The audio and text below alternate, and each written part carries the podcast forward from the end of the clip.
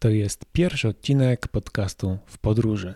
Być może znasz już mój angielski kanał o nazwie Nerd on Tour Podcast, gdzie rozmawiam z cyfrowymi nomadami, deweloperami, wagabundami i wolnymi duchami. Tam oczywiście odbywa się to wszystko po angielsku, a tutaj na kanale w podróży będę posługiwał się tą trudną polszczyzną.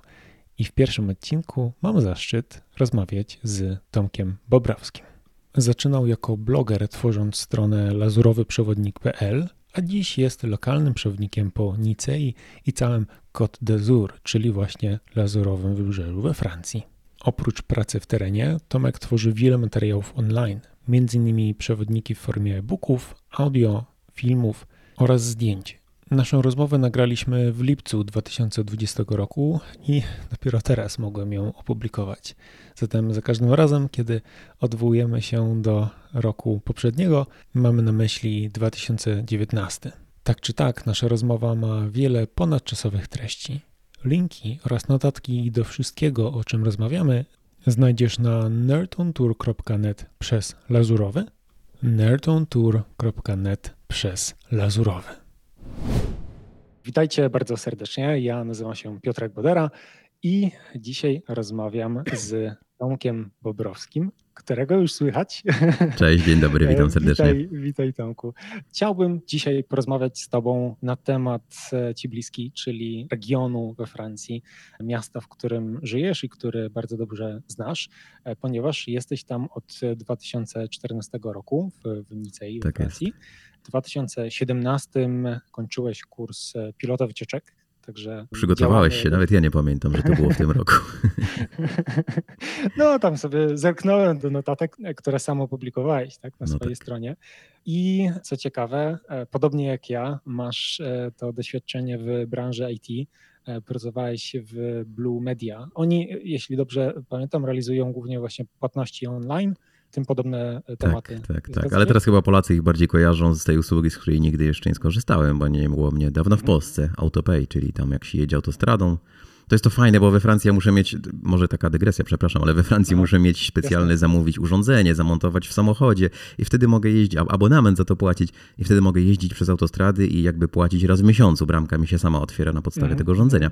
A w Polsce, proszę bardzo, aplikacja, podajesz y, dane rejestracyjne samochodu, chyba tylko dane karty kredytowej i jeździsz. No i można, żadnych urządzeń, Super. a tu urządzenia. Wiesz co, nie wiem nic na ten temat, pewnie dlatego, że nie posiadam auta i nie jeżdżę w Polsce no tak. stąd też właśnie nie, nie, śledzę tych, tych zmian, ale dobrze słyszeć, że, że takie rozwiązania są. A wracając do naszego meritum, czyli do, do tematu podróży i tematu ciebie jako właśnie przewodnika po Nicei, po Lezurowym Wybrzeżu, Powiedz mi proszę, jak wygląda Twoje życie właśnie jako tego przewodnika, ale również jako blogera, jako, jako osobę, która spędza dużo czasu w tym regionie i e, no, dużo na temat tego regionu się uczysz i pewnie wiesz już więcej na temat Lazarowego Wybrzeża niż przeciętny Francuz. Zatem jak to wygląda? No tak, to na, na, pewno tak jest. Poza tym e, chyba już widziałem tutaj, e, mogę nawet powiedzieć, że wszystko albo prawie wszystko i czasami mieszkańcy, z którymi się spotykam, mówią tacy Francuzi rodowici, nawet tu z regionu i mówią, o ja nawet tam jeszcze nigdy nie byłem, nie byłam w takim miasteczku, a ty już to widziałeś. Także rzeczywiście ja tu wszystko objeżdżam. Wiesz co, no jak wygląda życie? To jest życie południowca, życie w klimacie śródziemnomorskim. To była taka naj, największa zmiana dla mnie po przeprowadzce z Polski tutaj do Francji na Lazurowe Wybrzeże i największa trudność chyba nawet, bo no, z jednej strony nagle mm, przenosisz się w miejsce, gdzie słońce świeci większość e, dni w roku, nie pada deszcz, nie ma zimy, nie ma śniegu, nie ma też mhm, takiej, to trochę mhm. szkoda, wiosny i jesieni. My tu mamy cały czas podobną pogodę, tylko po prostu latem jest cieplej, zimą troszkę chłodniej i to wszystko. No i wiesz, nagle trzeba było zacząć żyć jak oni tutaj. Przyjechałem taki troszkę zestresowany z Polski, że wiadomo, tu trzeba pracować intensywnie, wszystko na już. kurtką. Tak, no to dokładnie, która się tu nigdy nie przydała, wyrzuciłem, teraz nie mam ani kurtki zimowej, ani butów zimowych, nie mam takich rzeczy. Jak jedę do Polski w listopadzie, to zawsze marznę, a bez sensu jest coś kupować na, na kilka dni. Pożyczam czasami od taty. Także wiesz, no to było bardzo ważne, żeby szybko się przestawić na tryb życia e, taki właśnie śródziemnomorski. Co to oznacza? No mhm. oznacza, że e, przez tą pogodę tutaj ludziom nie do końca chce się pracować i, i nagle przyjeżdża taki, taki ja i, i chce pracować i chce robić wszystko tak jak w Polsce. Tu się nie da. Po pierwsze szybko się wykończysz, bo jest za ciepło. Trzeba zwolnić, to jest najważniejsze. Dla mnie to była naj, najtrudniejsza sztuka. Po prostu zwolnić całe swoje życie, dostosować je do, do temperatury, do pogody, do otoczenia i y, rzeczywiście się podporządkować temu, czyli pracujemy przed południem po śniadaniu, w południe siesta, potem jeszcze trochę po południu popracujemy, ale już raczej wszyscy myślą, żeby prawda się szybko do domu wyrwać. No ja jestem oczywiście też, pracuję sam dla siebie, więc to trochę inaczej, ale mhm. rzeczywiście tak to tu wygląda. No więc muszę ci powiedzieć, że tak, no, że trzeba było się szybko dostosować. Ja z początku byłem trochę oporny. E, wiadomo, stare nawyki i przyzwyczajenia e, brały górę, ale zauważyłem, że tak się tu nie da po prostu. I, i teraz już wiem, że no, jak chcesz tu mieszkać, czy gdziekolwiek na świecie, wiadomo, to trzeba żyć po prostu tak samo jak ludzie, którzy w danym miejscu żyją. Po pierwsze, dzięki temu też się wtapiasz w otoczenie, e, asymilujesz, a po drugie właśnie no nie jest, no, życie po prostu wtedy jest łatwiejsze, o, po prostu. Mhm. Powiedz mi, jeśli chodzi o takie codzienne jakieś obowiązki, czy po prostu rzeczy, które trzeba wykonać, albo których nie trzeba wykonać w tej, w tej nowej rzeczywistości, to co jest jakby największą różnicą? Może zacznijmy od, od takiej perspektywy, czy w Polsce e, też miałeś jakiś okres, kiedy pracowałeś sam dla siebie, czy to zawsze była jednak właśnie taka praca biurowa? No właśnie, to jest dobre pytanie. Dziękuję za to pytanie, bo ja, ja w zasadzie odkąd się tu przeprowadziłem, po raz pierwszy w życiu jestem panem swojego czasu i to ja sam okay. decyduję, co i kiedy zrobić. I kiedy mi się nie chce, dzisiaj jest piękne słońce, pójdę sobie na plażę, no to jutro będę musiał pracować. Nieważne, że jutro jest sobota czy niedziela, to i tak jutro będę musiał coś zrobić, bo wiadomo, no pracę po prostu trzeba e, wykonać, nawet w swoim własnym biznesie. Klienci nie chcą czekać, ale mam ten komfort, że sobie sam decyduję, kiedy i e, co. Ale znowu nie mogę tak narzekać, bo wiesz, ja w Polsce pracowałem w tej, tak jak wspomniałeś wcześniej, Blue Media Sopockiej i to jest akurat rewelacyjna firma, w której ja miałem bardzo dużo, naprawdę bardzo dużo swobody. I ja, ja w zasadzie to się nie zmieniło aż tak bardzo po tej przeprowadzce, bo ja tak naprawdę tam też tam pracowałem w, jako peer manager i tam po prostu też samodzielnie decydowałem, co kiedy robię. Po prostu dla, dla właścicieli ważny był efekt mojej pracy, a nie to, że będę siedział od 8 do 16. Wiadomo, przychodził, wychodził, pokazywał się. Mogłem pracować z domu, mogłem robić co chcę. Tak ważny był efekt. I, i to, to było fajne. Ja zawsze yy, się cieszyłem wszystkim, że pracowałem w takiej firmie i wszystkim mówię, że, że takie firmy też istnieją. I czasami ja powiem ci, jestem trochę skrzywiony, bo się dziwię, kiedy ktoś mówi, że, że w jego firmie to jest e, a tak i tak i w ogóle to nie ma jakiejś swobody, wolności. Ja tego za bardzo nie doświadczyłem w życiu i no i mhm. potem się właśnie dziwię, mm, że, że takie rzeczy się dzieją, bo to utrudnia życie i pracę oczywiście. Ale jeszcze tak odpowiadając na twoje pytanie, to w Polsce byłem wcześniej dziennikarzem, pracowałem jako szef działu obsługi klienta, więc no to wszystko były takie prace etatowe, standardowe, dość jak na polskie warunki i dopiero tutaj we Francji e, musiałem wziąć się za, e, za siebie, za, za swój biznes, za swój rozwój. O tak. Mhm. To tak na marginesie tylko powiem, bo pamiętam jak rozmawiałem z jakimiś znajomymi też takimi podróżującymi nomadami i tak dalej, że w Polsce w języku polskim mamy termin dupogodziny i doskonale wiesz, co on oznacza. Tak jakby tak każdy przeciętny pracownik w Polsce bez znaczenia, czy miał takie negatywne doświadczenie, że musi właśnie odbębnić to siedzenie w biurze, czy tak jak ty y, y, miałeś to szczęście, że trafiłeś do firmy, która jest skoncentrowana na efektach, a nie na efektownym prezentowaniu się, tak? Mhm. czy siedzeniu za komputerem i, i wyglądaniu na, na zajętego to, to myślę też jest jakaś taka spuścizna dawnych wieków i te nowe firmy, tak, czy nowe po prostu e, branże, no bo, bo IT czy turystyka. Wydaje mi się, że obydwa te, te miejsca pracy e, po prostu wymagają od tego, że jak się nie postarasz, no to klienta nie będzie. Tak, po prostu dokładnie. skorzysta z usług innego dostawcy, czy pójdzie gdzie indziej. Zatem, zatem jest to bardzo takie tak satysfakcjonujące, że faktycznie możemy robić to coś, co, co potem jest bezpośrednio przez tych naszych klientów doceniane. Czy we Francji miałeś jakieś oferty albo myślałeś, żeby faktycznie poszukać e, pracy e, zgodnie z tym, co robiłeś wcześniej, czy od razu stwierdziłeś, że ok, no, nowe życie, nowe miejsce to też nowy sposób pracy?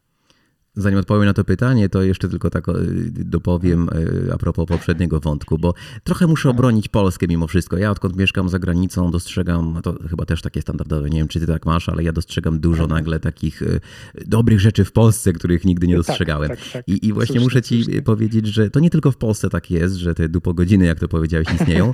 We Francji, w korporacjach, cały Paryż praktycznie, wszyscy, którzy pracują w korpo, oni w zasadzie nie wyjdą z pracy, dopóki nie wyjdzie szef. I nieważne, że już skończyli, że już wszystko jest e, zrobione, po prostu dopóki szef siedzi przy biurku, oni nie wyjdą, bo to, no taki jest standard po prostu. Nie i koniec, szef wyjdzie i dopiero wtedy oni mogą wychodzić. Przed szefem nikt nie wyjdzie, Zgadza bo się, się będą tak, bali, tak. Że, że zobaczy, że nie mają nic do roboty. Mimo, że już skończyli czas pracy.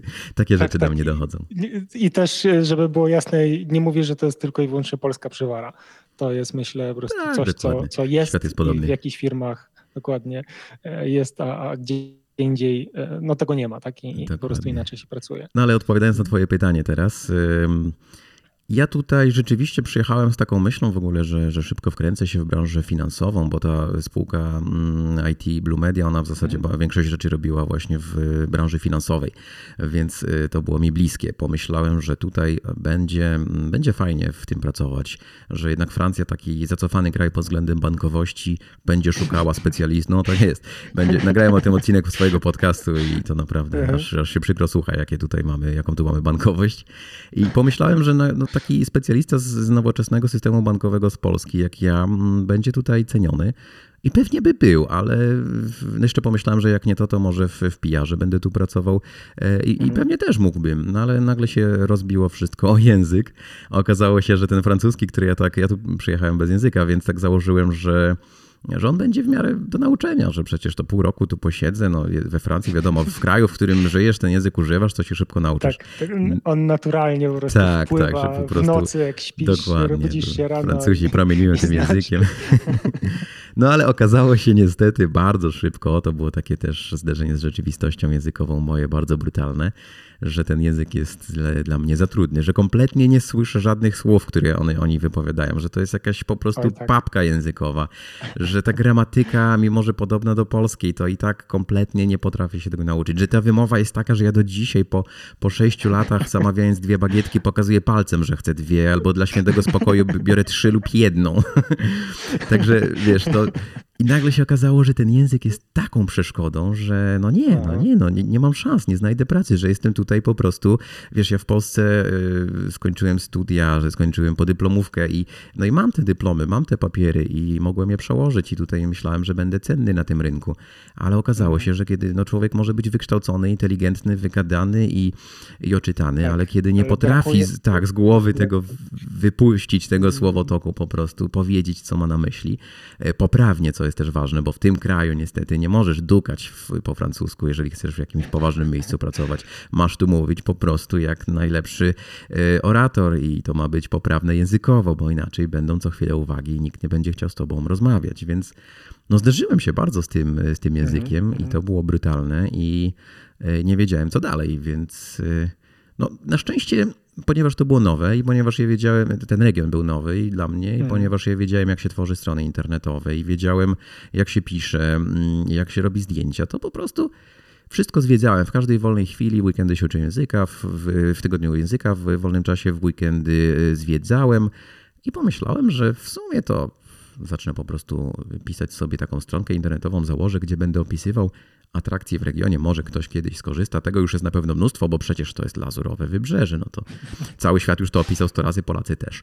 Co się okazało? Okazało się po pierwsze, że prawie nikt nie opisał solidnie lazurowego wybrzeża, że nie ma w internecie dosłownie prawie nic polskim na ten temat. Mm. To po pierwsze. No a po drugie, właśnie kilka miesięcy po starcie mojego bloga odezwała się jakaś pilotka, jakaś grupa turystyczna, czy nie chciałbym oprowadzić grupy po Nicei. I ja wtedy tak w sumie się zastanowiłem, no dlaczego by nie? Dlaczego by nie? Przecież znam już to miasto, poszedłem sobie jeszcze, doczytałem, do, douczyłem się, poszedłem sobie na miasto, wytyczyłem e, swój własny szlak turystyczny mhm. i tę grupę po prostu oprowadziłem. Okazało się w ogóle, że ta cena, którą zaproponowałem, to była, no to było w ogóle śmiesznie to, mało. To, to było śmiesznie mało, to ja nie wiedziałem ile wziąć, co to było, wiesz, to naprawdę było tak śmiesznie, że, e, że nie rozumiałem, dlaczego ta pilotka była taka zadowolona, że, że super oprowadziłem. Jeszcze ta cena taka atrakcyjna. No atrakcyjna to trochę bezczelne było bo powiedzieć, bo ta cena to była jak za darmo się okazuje, ale ja tego nie wiedziałem.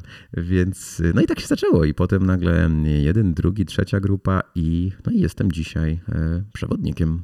Mhm. Jeszcze y, zanim przejdziemy do tego wątku y, bycia przewodnikiem w Nisei, powiedz mi, bo jestem ciekaw, jak to, to wygląda właśnie z perspektywy Twojej i Twoich doświadczeń, bo szczególnie jeśli myślisz o faktycznej pracy w nowym kraju, no to, to zgadza się, że, że faktycznie ta płynność językowa jest niezwykle potrzebna. E, jeszcze potem jest ten taki wyższy poziom tego języka biznesowego, tak, że znasz terminy, tak że potrafisz się wysławiać w sposób taki precyzyjny, tak, że, że nie będzie tam wątpliwości o co, o co ci chodzi. Ja e, przez bardzo długi czas, e, bo, bo dla mnie jakby tym, tym pierwszym językiem obcym jest, jest angielski od, od zawsze był i pamiętam swoje przygody, żeby w ogóle zacząć pracować w tym języku. E, zastanawiam się po prostu na ile często albo, albo jakie podejście może Francuzi we Francji mają do osób, które nie mówią tym językiem, i czy oni w jakiś taki kulturalny sposób ci mówią, że o, popełniłeś tu błąd taki, to źle odmieniłeś i następnym razem zrób to i tamto, czy może z, zupełnie jakby uważają, że, że nie muszą ci tego mówić i że ty powinieneś pójść do szkoły się jakby od nauczyciela tego dowiedzieć, tak? Jakby jak, jak wygląda ten proces tego, tej nauki języka pośród jakby normalnych ludzi? To by była sytuacja komfortowa, o której mówisz, ale bo oni tak, po pierwsze, jeżeli. E, to jest różnie oczywiście, zależy na kogo mhm. trafisz, ale ja mam tu cały przekrój różnych sytuacji, więc mam sytuacje najgorsze. Pod tytułem zostałem wyzwany od, e, no nie będę mówił brzydko, ale od Amerykanów generalnie. Aż tak? E, tak, nie wiem czemu założyli, że jestem z Ameryki, ale no, wyzwali mnie w mhm. każdym razie. Chodziło oczywiście o używanie języka. Usłyszałem też zdanie po francusku piękne, proszę nie kaleczyć mojego pięknego języka. Oczywiście to Francuz do mnie powiedział. Tak, więc to też też się zdarzyło. Okay. Więc to jest, to jest jedna metoda reakcji, z którą się spotykałem dość często. Druga mhm. metoda, hmm. druga reakcja jest y, zupełnie odwrotna. To nie jest tak, że oni zwrócą uwagę, że coś zostało źle powiedziane. Nie, absolutnie. Ale jeżeli usłyszą, że y, mój francuski nie jest y, na takim poziomie, jaki oczekują, to ta druga reakcja polega na tym, że oni bardzo często przechodzą na angielski, co mnie denerwuje, okay. ponieważ wiesz, ja, ja się uczę francuskiego, mhm. chcę go używać, chcę praktykować, chcę rozmawiać po francusku, a oni przechodzą na angielski. Po części też dlatego, żeby pokazać, że znają, że potrafią. Tak, to jest ostatnio tak. modne we Francji, żeby właśnie coś po angielsku odpowiedzieć, żeby się pochwalić znajomością. Mhm. Ale dla mnie to jest irytujące. I muszę ci powiedzieć, że sytuacja wygląda e, obecnie dość często tak, że ja mm, mówię, rozmawiam po francusku, a druga strona rozmawia rozmawia po angielsku. I prowadzimy rozmowę w dwóch językach, właśnie w restauracji, w I banku. dialog tak, naprawdę. I wiesz, to jest zabawne, bo ja uparcie po francusku, bo chcę go używać, a druga strona no tak. uparcie po angielsku, bo chce pokazać, że zna. No i, i, jednocześnie pokazać mi, że mój francuski jest tak słaby, że nie będziemy rozmawiać w tym języku. Po prostu to nie wypada. Więc y, no nie ułatwiają, nie ułatwiają. Byłem raz świadkiem w sytuacji w urzędzie skarbowym, gdzie y, para wspomnianej, ze wspomnianej zresztą Ameryki, y, starsi ludzie, starsze małżeństwo wykłócała się z urzędniczką i ta kobieta, ta Amerykanka już nie przebierała w słowach, była wkurzona i po prostu wyzywała tą francuską urzędniczkę, mówiąc w rodzaju coś, że do cholery, przecież my tu płacimy podatki, utrzymujemy was, a wy nam nawet nie ułatwiacie tego, tego wszystkiego, tej dokumentacji w tym języku, którego nie znamy. I ta francuska cały czas uprzejmie, sympatycznie odpowiadała po francusku, czyli i na temat, więc rozumiała doskonale, co jest do niej mówione po angielsku i cały czas na złość jej tej kobiecie odpowiadała po francusku. Więc ja z boku stojąc, e, w końcu mówię, nie no, pomogę im, bo przecież nie dogadają, ta już na nią krzyczy, a nie ma nic gorszego też niż, niż agresja, jakakolwiek, nawet słowna w stronę osoby pracującej we, we Francji. W sensie nawet niekoniecznie agresja. W tym kraju to, że w ogóle stawiasz się do pracy, to jest już w zasadzie świętość. Czasem mam wrażenie, że Francuzi oczekują wynagrodzenia za samo przyjście do pracy, tak? I powiem ci, nie masz prawa, tak, nie masz prawa zwrócić, bo w zasadzie jak się stawiasz w pracy, to już, już spełniasz warunki umowy i naprawdę potem bardzo ciężko jest no tak. cię zwolnić. No najważniejsze, że masz przyjść od, jakby na punktualnie, nie spóźnić się. I powiem ci, że no nie możesz zwrócić uwagi Francuzom pracującym, bo nawet właśnie, że nie wiem, że, że się obijają, że halo, przecież co, czemu pani paznokcie piłuje, skoro ja tu czekam na obsługę i tak dalej. Mm. Albo kierowcy w, w, autobusie y, powiedzieć, że jeździ jak wariat. Y, no nie, nie masz prawa. Nie masz prawa, to jest od razu awantura wielka, bo jak to przecież on tu Szczególnie pracuje. jako cudzoziemiec, tak? To, to pewnie tak, to, to już jakby, a chociaż jestem często świadkiem, jak Francuzi z nim zwracają uwagę i jest Aha. tak samo. Ale rzeczywiście, wiesz, jako, jako gość w tym kraju ogólnie masz zawsze mniej praw i nigdy nie będziesz u siebie, ale to jest też trochę inny temat. Okej, okej. Okay. No to w takim razie życzę Ci dalszych pozytywnych przygód, jeśli chodzi o uczenie się tego języka. Ja, pomimo tego, że coś tam, jakieś podstawy próbowałem poznać francuskiego, to cały czas y, jest dla mnie zagadką e, ta zasada E, że pisze się na przykład 20 różnych liter, tak, tam w dwóch, trzech tak. słowach, ale wymawia się tylko po prostu trzy. Tak, dokładnie. Tu początku nie wymawiasz, tu końcówek nie właśnie, wymawiasz, właśnie, po prostu. Właśnie. No i łączysz wyrazy, co jest trudne. Normalne. Tak, łączysz wyrazy. Wiesz, ja jak jeździłem pociągiem z Nicei do Monako, to tam zawsze padał, padał taki zwrot e, prochain arrêt. Ja mówię, co to jest ten mm. prochain Ja ciągle nie wiem. I przed każdym przystankiem oni mówili mm. prochain No w końcu wiedziałem, że jest to następny przystanek, ale ciągle byłem przekonany, święcie chyba w ogóle przez półtora roku, że prochain to jest mhm. jeden wyraz. A to są dwa no wyrazy. No tak, to jest to prochain arrêt. Dokładnie, więc następny przystanek. Ale oni nie mówią następny przystanek, tylko mówią prochain Tak jakbyś w Polsce powiedział następny przystanek, tak wiesz, bez żadnej pauzy tam. I nagle mhm. przyjeżdżasz, uczysz się tego języka, chcesz go używać i, i głupiejesz. W ogóle nie słyszysz tam żadnych przerw żadnych pauz i żadnych wyrazów. Oddechów nie ma, tak? tak, tak. Między y, poszczególnymi dźwiękami. E, dobrze, Tomku. E, przejdźmy w takim razie do tematu przewodnika i, i tego, jak, jak to się stało, że stałeś się tą osobą, która oprowadza ludzi po Nicei i, i okolicach. Mówiłeś, że przez bloga, tak? przez to, że, że tak. pisałeś artykuły, odnalazła cię ta pilotka pierwsza, która, która chciała z tobą e, zwiedzać.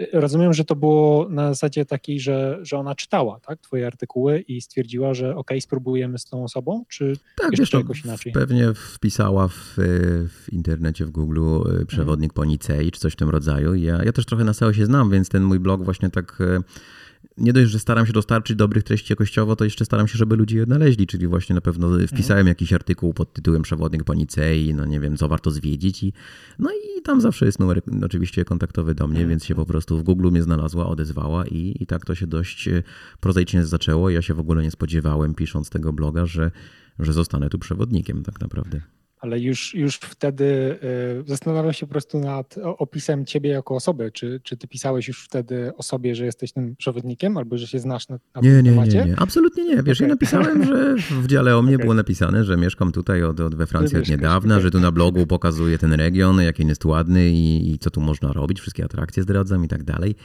I nie, to było tyle, więc z jej strony to było jakieś takie, no jednak duże ryzyko, prawda, żeby, ja nawet na pewno miałem napisane tam, że, że pracowałem w branży, no, no wiesz, to moim plusem było to, że dziennikarstwo, y, public relations to jest wszystko komunikacja, a jednak y, tak, bycie tak, przewodnikiem tak. to też jest komunikacja, więc no, y, to był ten plus, więc to ryzyko z jednej strony u niej było trochę mniejsze, bo widziała, że jestem wykształcony w komunikacji i doświadczony, no ale jednak musiała zaryzykować, pisząc do jakiegoś obcego gościa za granicą, czy nie oprowadziłby jej grupy, mm, gościa, który w ogóle nie wspomina, że kiedykolwiek pracował w turystyce, bo przecież ja z turystyką do tego czasu nie miałem nic wspólnego. Mhm. No, to domyślam się, że też jest kwestia tego, że w języku polskim, ale tak samo jak w angielskim, zastanawiam się, czy we francuskim tak samo, ale słowo przewodnik, tak, jako e, rzeczownik ma, ma wiele znaczeń, tak, więc i w formie tej książkowej, tak jest, i w formie artykułu, i w formie osoby, tak, że ty jesteś przewodnik, tak, a niekoniecznie to, to jakby gdzieś tam się musi zazębiać. Tak jest i to jest e, podobnie co mam na myśli, mówiąc o, o tym temacie tego, tego słowa przewodnik, jest myślę to, że ja e, cieszę się, że, że, że są takie historie, jak, jak ty sobą reprezentujesz, tak? Czyli w ogóle nie miałeś do czynienia z turystyką i zacząłeś pisać e, bloga podróżniczego z zamiarem, czy, czy jakby w takim kierunku po prostu pomocy innym podróżującym żeby się dowiedzieli, żeby po prostu łatwiej im było poruszać się po, po tym konkretnym regionie we Francji i zrobiłeś ten swój research, tak? Czyli wiedziałeś o tym, że, że tej konkurencji nie jest za dużo,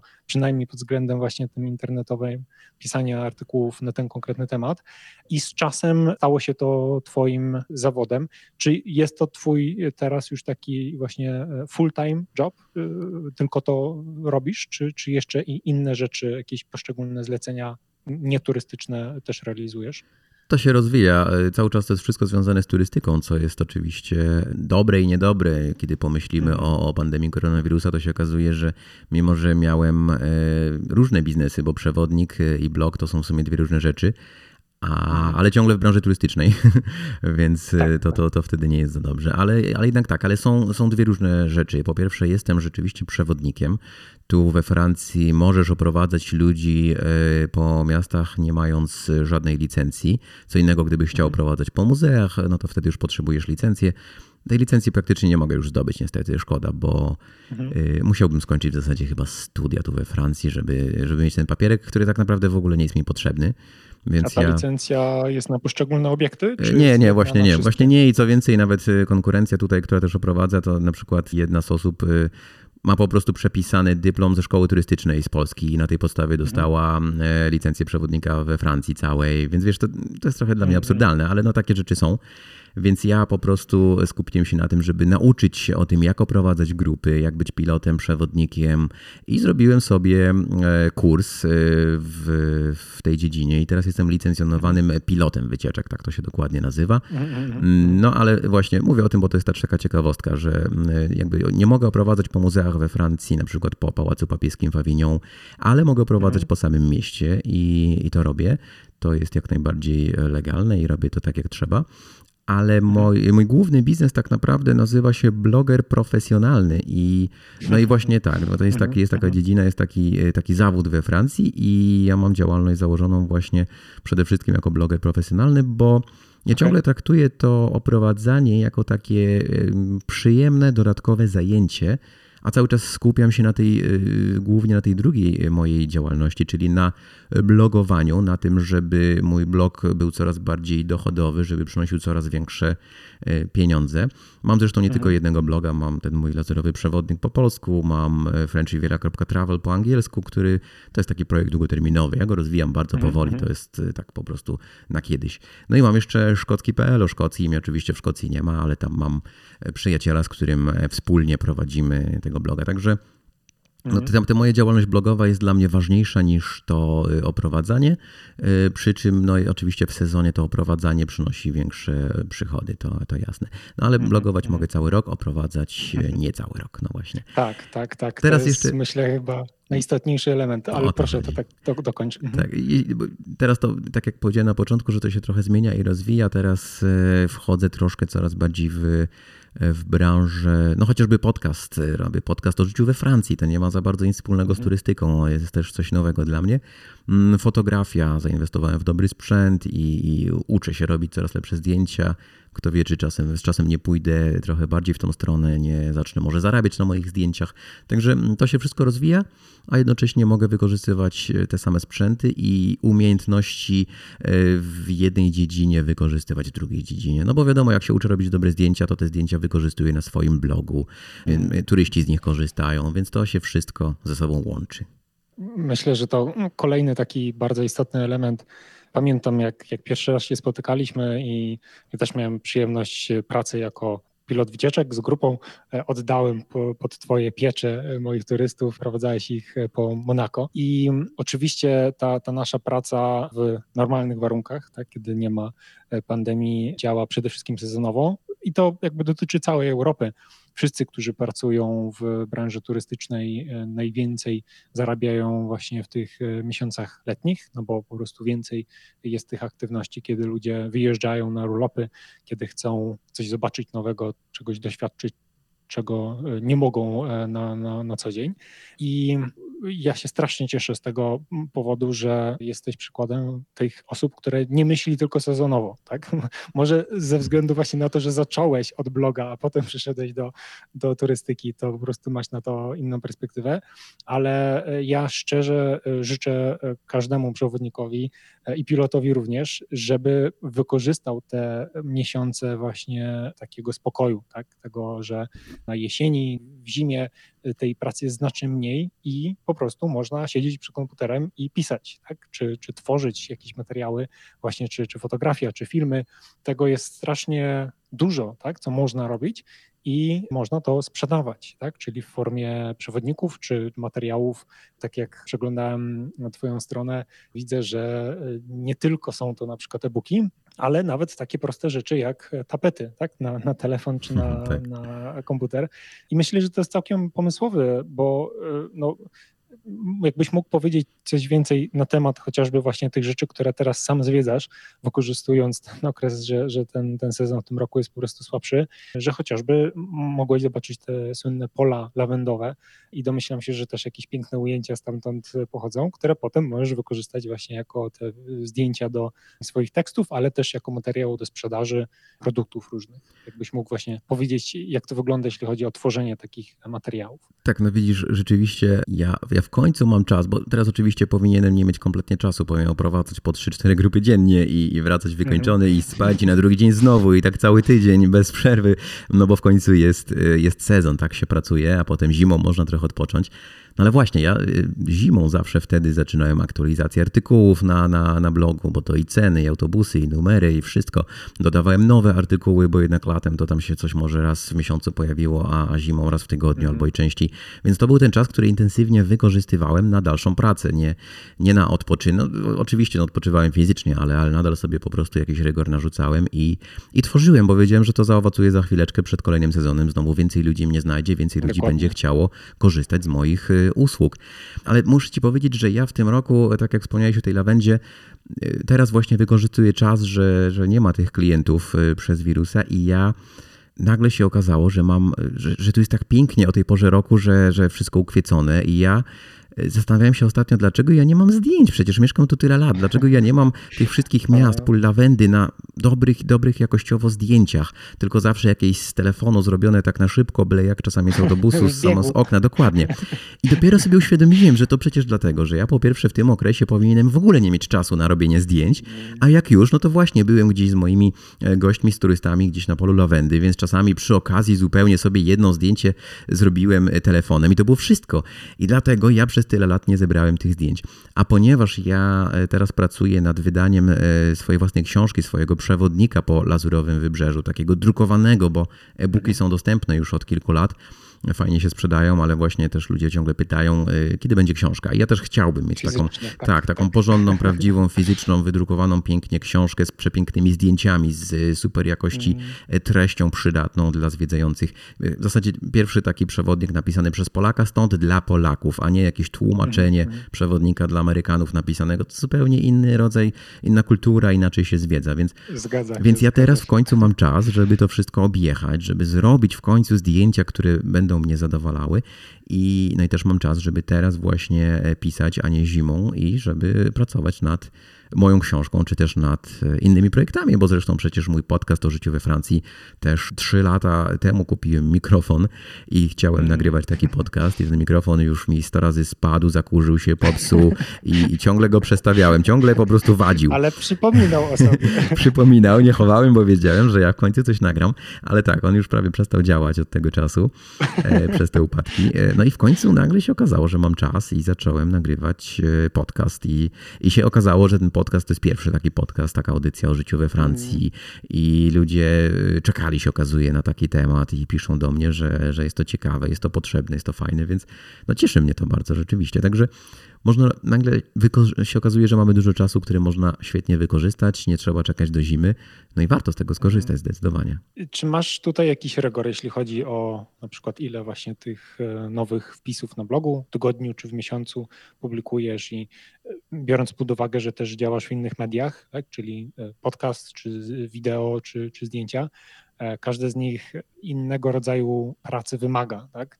Przy tworzeniu akurat e, edycja treści jest szybko, łatwa i, i dosyć taka mało e, zasobożerna, ale jeśli już chcesz jakieś tam piękne ujęcia w 4K z drona porobić z, jeszcze z jakąś muzyką w tyle i, i przejściami, no to, to wiadomo, że to więcej pracy wymaga i, i, też jakiegoś lepszego sprzętu. Jak to wygląda? Czy masz tutaj właśnie jakiś rygor narzucony? No, rygor jak najbardziej. Wiesz, to, to jest w ogóle dla mnie coś nowego, ten podcast, jeszcze wracając do niego, bo mhm. no jeżeli napiszesz bzdurę w artykule na blogu, no to, to po prostu się logujesz, zmieniasz, edytujesz tak. i po sprawie. Zdjęcie też możesz zawsze po, po, podmienić na dużo lepsze, które zrobisz później. Tak teraz właśnie powoli podmieniam te zdjęcia, których się wstydzę, tam zrobione jakimś telefonem starym 6 lat temu i teraz staram się je mhm. podmienić, to też jest dużo czasu wymaga.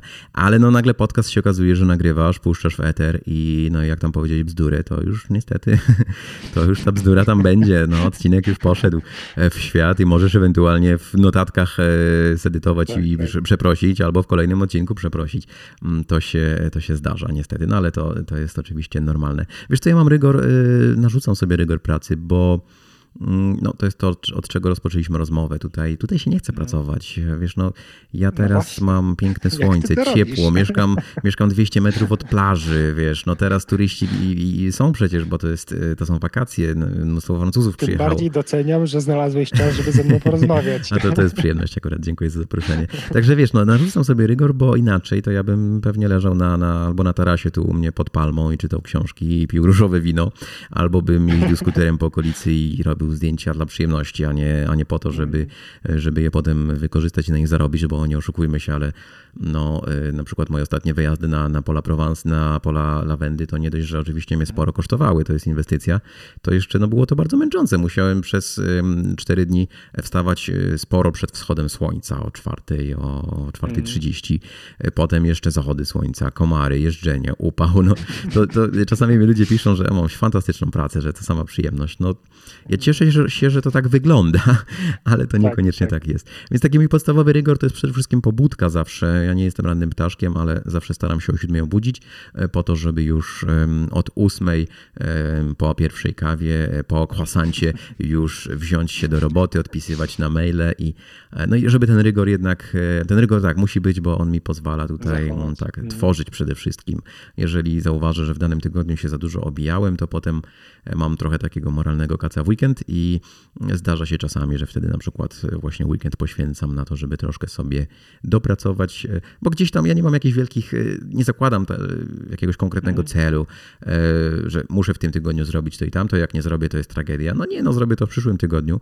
Są oczywiście rzeczy, które można przełożyć, ale no właśnie, wtedy mam takiego trochę moralnego kaca i staram się każdy, e, każdy weekend, każdy tydzień roboczy kończyć z takim poczuciem, że udało się dużo fajnego zrobić i nawet jak teraz jeszcze nie dać efektów, to jak na przykład taka książka, to przecież jest projekt dość długofalowy, to, to jednak wiem, że te efekty będą za czas jakiś. I muszę ci powiedzieć, że mhm. motywuje mnie do tego wszystkiego historia mojego bloga. Bo kiedy ja go zakładałem w 2014 roku, ja w ogóle nie spodziewałem się, że w 2020 będę rozpoznawalnym człowiekiem spacerując po Nicei, że ludzie będą pod moim domem czasami wystawać i, i, i pytać, czy to pan Aż Bobrowski, tak? to się też zdarza. E, tak, że będę rozpoznawalny w jakiejś małej dziurze gdzieś w Prowansji, po prostu w jakimś mini miasteczku i, i że ludzie będą korzystać z moich usług, że będą czytać moje przewodniki. A wiesz, do, po prostu zaczęło się od dodawania artykułu raz na tydzień. I, i ten mhm. blog pokazał mi, jak, jak dużą siłą jest regularność i po prostu właśnie robienie czegoś e, małego regularnie, co potem doprowadzi do czegoś dużego. Więc to, tą lekcję już mam za sobą i e, to Super. mnie bardzo motywuje do, do tego, mhm. żeby po prostu nie marnować tych dni na leżenie pod palmą. Mimo, że ona tak bardzo cię kusi codziennie. Tak, tak, cały czas widzę ją tutaj właśnie nawet teraz za, za oknem. Powiewa sobie na wietrze i naprawdę ten cień, który palma daje w takim dużym upale, no to jeszcze tylko różowe wino w ręku i, i odpoczywasz. I to jest ten styl życia. Ja też mam właśnie takie doświadczenie, jeśli chodzi o tworzenie stron i, i tak naprawdę próba wypromowania tych stron, tak? bo co innego jest e, stworzyć sobie nowego WordPressa darmowego gdzieś na jakimś tanim hostingu i, i na domenie kupionej za, za grosze, e, a co innego jest e, widzieć, że właśnie mm, dziesiątki tysięcy ludzi przyszło tym miesiącu i po prostu czyta tak, to, co tam ktoś opublikował. W Twoim przypadku to już jest poziom ponad 100 tysięcy tych unikalnych użytkowników na Tak, na z pominięciem tego wyjątkowego roku oczywiście pandemicznego. Co mnie trochę boli, bo, bo dużo pracy w to wszystko włożyłem i spodziewałem się rekordowych wyników, a są rekordowe spadki. Ale, ale mam oczywiście świadomość, że to jest tymczasowe i jakby no, jest okej, okay. jakby no, po prostu czekam. Mhm. Czekam, będą lepsze czasy. Tak, tak. Myślę, że generalnie turystyka jest y, takim przyjemnym właśnie sposobem tworzenia i, i opowiadania jakichś y, historii. E, niezależnie od tego, co by się nie działo, to ostatecznie po jakimś okresie wzburzeń odradzamy się jak ten Feniks z popiołów i tak po prostu ludzie chcą, tak? mają tą jakąś potrzebę tego podróżowania i odkrywania nowych terenów. Zatem e, przechodząc właśnie już od tych tematów typowo internetowych do tematów e, przewodnickich. Zakładamy, że, że sezon jest w pełni, tak więc jakby cofnijmy się na przykład rok do tyłu Powiedz mi, jak wygląda e, zwiedzanie z Tobą? Jakie Ty masz do tego podejście i co dla Ciebie jest istotne podczas właśnie oprowadzania grupy? Najważniejsze dla mnie jest nie zanudzić Polaków historią, bo okazuje się, że to jest coś, tak, to jest coś, czego no się nauczyłem. To? to są najważniejsze i nazwiska. No właśnie, no właśnie. Powiem Ci, że e, moje grupy, szczególnie e, rodziny, takie małe, małe grupki, nie, nie duże grupy po 50 osób, tylko takie właśnie rodziny, paczka przyjaciół, zawsze na koniec, czy też prawie zawsze oprowadzania dziękują mi i, i to podziękowanie zawsze jest rozwijane. Mówią, panie Tomku, dziękujemy, że nas pan nie oprowadzał po kościołach i że nie było dużo historii. I to mnie, wiesz co, z początku, no właśnie, z początku mnie to zastanawiało, a no, bo, no wiesz, w Nicei jest tyle kościołów na Starym Mieście, że możesz po prostu przez cały dzień robić tur po kościołach tak, no tak naprawdę. E, to mnie zaczęło zastanawiać. Pomyślałem, że chyba, chyba coś jest na rzeczy. Chyba jednak przewodnicy przede wszystkim nastawiają się na obiekty sakralne, no bo jednak najłatwiej jest sam zagadać turystę, bo przecież e, można mówić w nieskończoność o zdobieniach w kościele i w ogóle o religii. A, a z drugiej strony, no historia i daty, no to jest coś, co tak naturalnie też się ciśnie, bo my mamy jakąś taką potrzeby, tak mi się wydaje, tak, inklinację, żeby, żeby po prostu koniecznie mówić, co tu było przed wiekami. A okazuje się, że to rzeczywiście interesuje Amerykanów na przykład, bo wiadomo, oni tą historię mają dość ubogą. Jak ja tam byłem w, w Kalifornii, to, to pamiętam, że ktoś mi mówił, o to musisz koniecznie pojechać tu i tu, bo tam mamy przepiękny, jakąś przepiękną kapliczkę z XVIII wieku. Ja mówię, no wow, z XVIII wieku, ja tu mieszkam obok takiej z XI wieku. I, I, wiesz, jakby ich ta historia tu interesuje y, u nas w, w, Europie, ale Polaków nie, to zauważyłem. I ja oczywiście, no jakby no powiem, od kiedy ta Nicea jest we Francji, bo wcześniej nie była, albo powiem jak, jakieś takie, kiedy królowa Wiktoria tu była i dlaczego ona jest ciekawą postacią. No, różne takie ciekawostki, albo od kiedy Monako w ogóle istnieje. Oczywiście trzeba zdradzić, żeby ludzie też wyjechali z poczuciem, że nie tylko była rozrywka, ale że czegoś ciekawego się dowiedzieli, że poszerzyli horyzonty. Ale dla mnie najważniejsze w oprowadzaniu jest, no właśnie, żeby klient poczuł, że spędził czas przyjemnie, a nie, że była to nudna lekcja historii. Więc ja przede wszystkim nastawiam się na to, czego najchętniej słuchają, jak zauważyłem. Potestowałem sobie to troszkę przez te wszystkie lata. I to jest po prostu życie we Francji, opowiadanie o tym, jak się tu żyje, jakie są ceny, co jemy, jak można pracę zdobyć, jak ten język w ogóle, czy jest trudny, czy nie trudny. Więc to są te ciekawostki, które interesują turystów. No i oczywiście ja to wszystko robię w trakcie pokazywania im tych najfajniejszych miejsc, czyli no czasami jest jakieś miejsce historyczne, typu traktat nicejski, Miller podpisał przecież w Nicei, no to trzeba ten budynek pokazać, bo jest to ciekawostka, bo potem przyjadą do Polski, usłyszą Nicea albo śmierci, w ogóle nadal nie wiedzą o co z tym hasłem chodziło, więc no trzeba im to wyjaśnić, nawet tym młodym. Ale rzeczywiście no, punkty widokowe, piękna fontanna, fajna restauracja, to są te rzeczy, które tutaj turysta przyjeżdża, przyjeżdża z Polski i chce po prostu pamiętać, że dobrze zjadł, że, że ma fajne zdjęcie z jakiegoś ładnego punktu widokowego, przy okazji wie, ile tu wydajemy, ile zarabiamy. No i właśnie może zapamięta, kiedy to Monako powstało, ale to już jest coś, co e, może kiedyś mu się przypomni, może przyda mu się w krzyżówce na przykład. Jest takie popularne hasło w polskich krzyżówkach, e, dzielnica Monako. To jest oczywiście zawsze Albo Monte Carlo. tak, tak. To jest zawsze Monte Carlo, dzielnica Monako, bo ludzie myślą, że to jest miasto, to Monte Carlo. Tak, tak. I powiem ci, że e, chyba nie ma dnia, żeby ktoś w Google nie wpisywał frazy dzielnica Monako, krzyżówka. I, I, I, ja się zawsze śmieję, bo to jest naprawdę popularne hasło w polskich krzyżówkach i nie szukają, co to jest dzielnica Monako. Myślę, A to jest myślę, zawsze że właśnie po to stworzono wyszukiwarkę Google. Tak, żeby krzyżówki rozwiązywać. No tak, no przecież. O to chodzi. Także no, widzisz, jakby nastawiam się na, na to, czego oczekują ludzie. Nie chcę ich zanudzić historią, bo... Ale jednocześnie nie chcę też, żeby tak wyjechali stąd z takim poczuciem, że, że ten region jest ubogi w historii, że tu nic ciekawego się nie wydarzyło, bo oczywiście wydarzyło się mnóstwo. Więc trzeba znaleźć taki balans, złoty środek. No, trzeba dostosować też do oczekiwań oczywiście. No wiesz, ja mam grupy religijne, pielgrzymki, gdzie oczywiście mówię więcej i oprowadzamy więcej po kościołach, jak najbardziej. Mam y, grupy y, szkolne, to znowu trochę inny profil zwiedzania. Mam na przykład y, właścicieli żłobków w Polsce, czy, czy jakieś tam przedszkola prowadzą, to oni chcą znowu trochę więcej edukacji się dowiedzieć, więc zawsze na, na początku w ogóle zaczynam wywiadem i staram się dowiedzieć o grupie jak tak. najwięcej, żeby wiedzieć dokładnie, czym mogę ich zainteresować, a czym mogę ich zanudzić i tego drugiego unikam. No, myślę, że to jest y, taki znaczący element, żeby wiedzieć po prostu do kogo się mówi, tak? bo no właśnie, inaczej się mówi do, do, do grupy, która jest y, powiązana właśnie z edukacją, czy ma jakieś tam inklinacje z kolejniem architektoniczne e, i będą się dobytywać te wszystkie możliwe mm, detale, tak, e, jak to tam wygląda, ten Belle Epoque. Albo będą chcieli zobaczyć w Marsylii budynek, e, jednostka mieszkaniowa Corbusiera słynnego, który jest kompletnie poza, to jest w ogóle, wiesz, taki jeden z pierwszych takich wielkich bloków mieszkalnych na świecie. I jest absolutnie, no, dla architektów to jest po prostu coś, co trzeba zobaczyć, a mówię o tym dlatego, że do dzisiaj pamiętam trochę smutną i przykrą historię właśnie, kiedy we, w Marsylii grupę oprowadzałem po porcie. Ja oczywiście czasami muszę zrealizować program narzucony, po prostu nie mam za bardzo nic do tak. powiedzenia, tak jak w Marsylii to było. I, i ta, ta atrakcja, o której wspominam, jest kompletnie poza miastem, poza centrum, dość daleko. E, no i pan był oburzony, że dlaczego ja mu nie pokażę tego budynku, on był architektem, on chce go zobaczyć, przecież to jest tak blisko, on już tyle przejechał, przeleciał, żeby go zobaczyć, a, a ja jestem na tyle niemiły, że mu go nie pokażę. A wiesz, no to była grupa 50 osób, jedna osoba chciała coś zobaczyć. E. Oczywiście oni mają swój program, ja muszę wszystko zrealizować i po prostu ich pożegnać, w przywitać i pożegnać w konkretnym miejscu i tyle.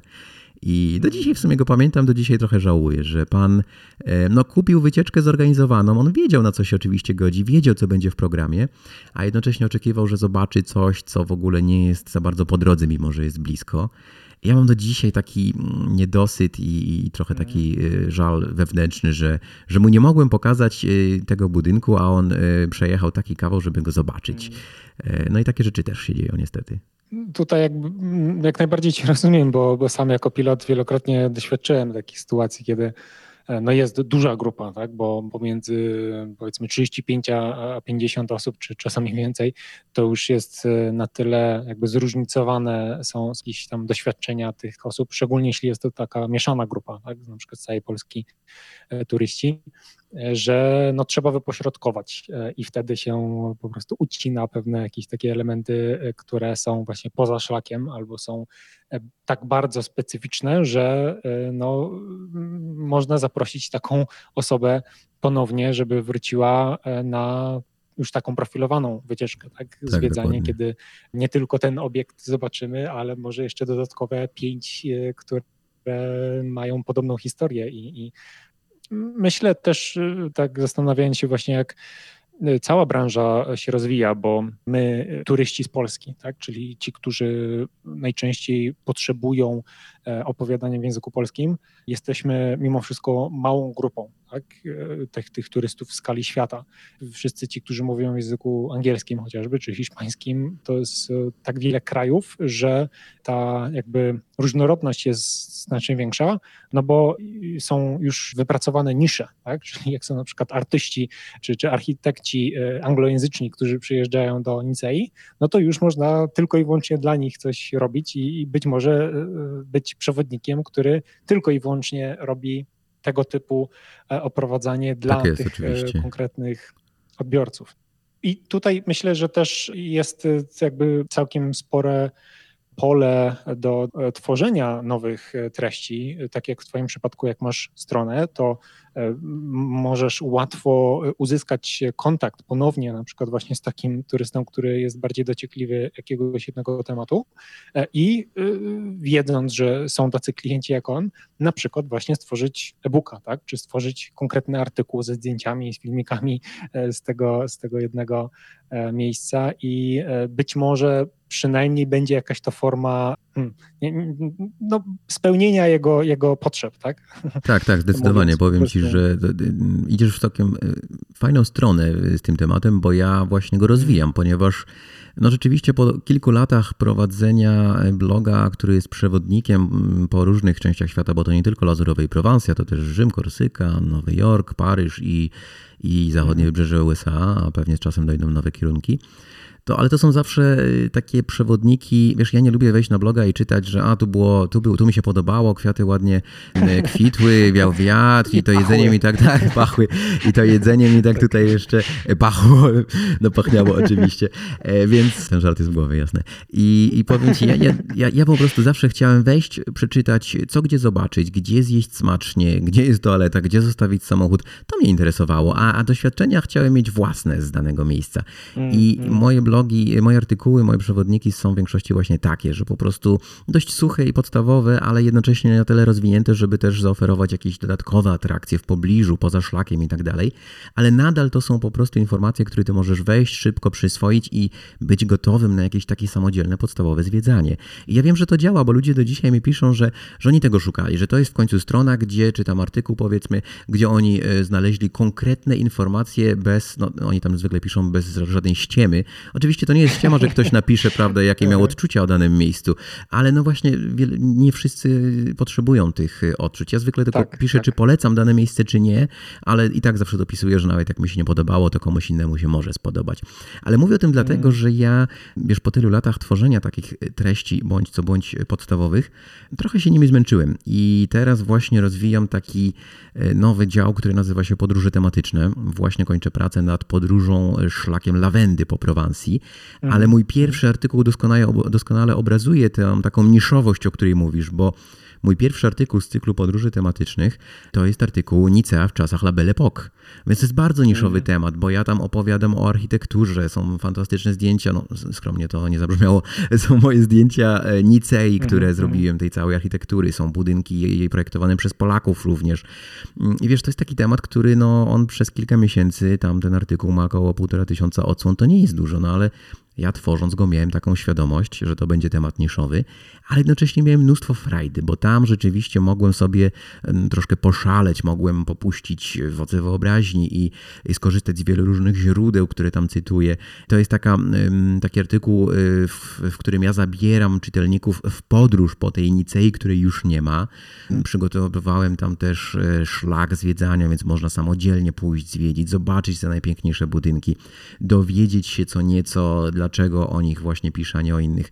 No i to jest coś, właśnie to jest ta strona, w którą teraz idę. Oczywiście cały czas będę rozwijał ten podstawowy y, przewodnik, który po prostu widzę, że jest przydatny, ale jednocześnie mm, no, to wymaga dużo pracy przygotowanie takiego artykułu tematycznego, więc y, no, mam nadzieję, że kilka w ciągu roku y, uda mi się wypuścić.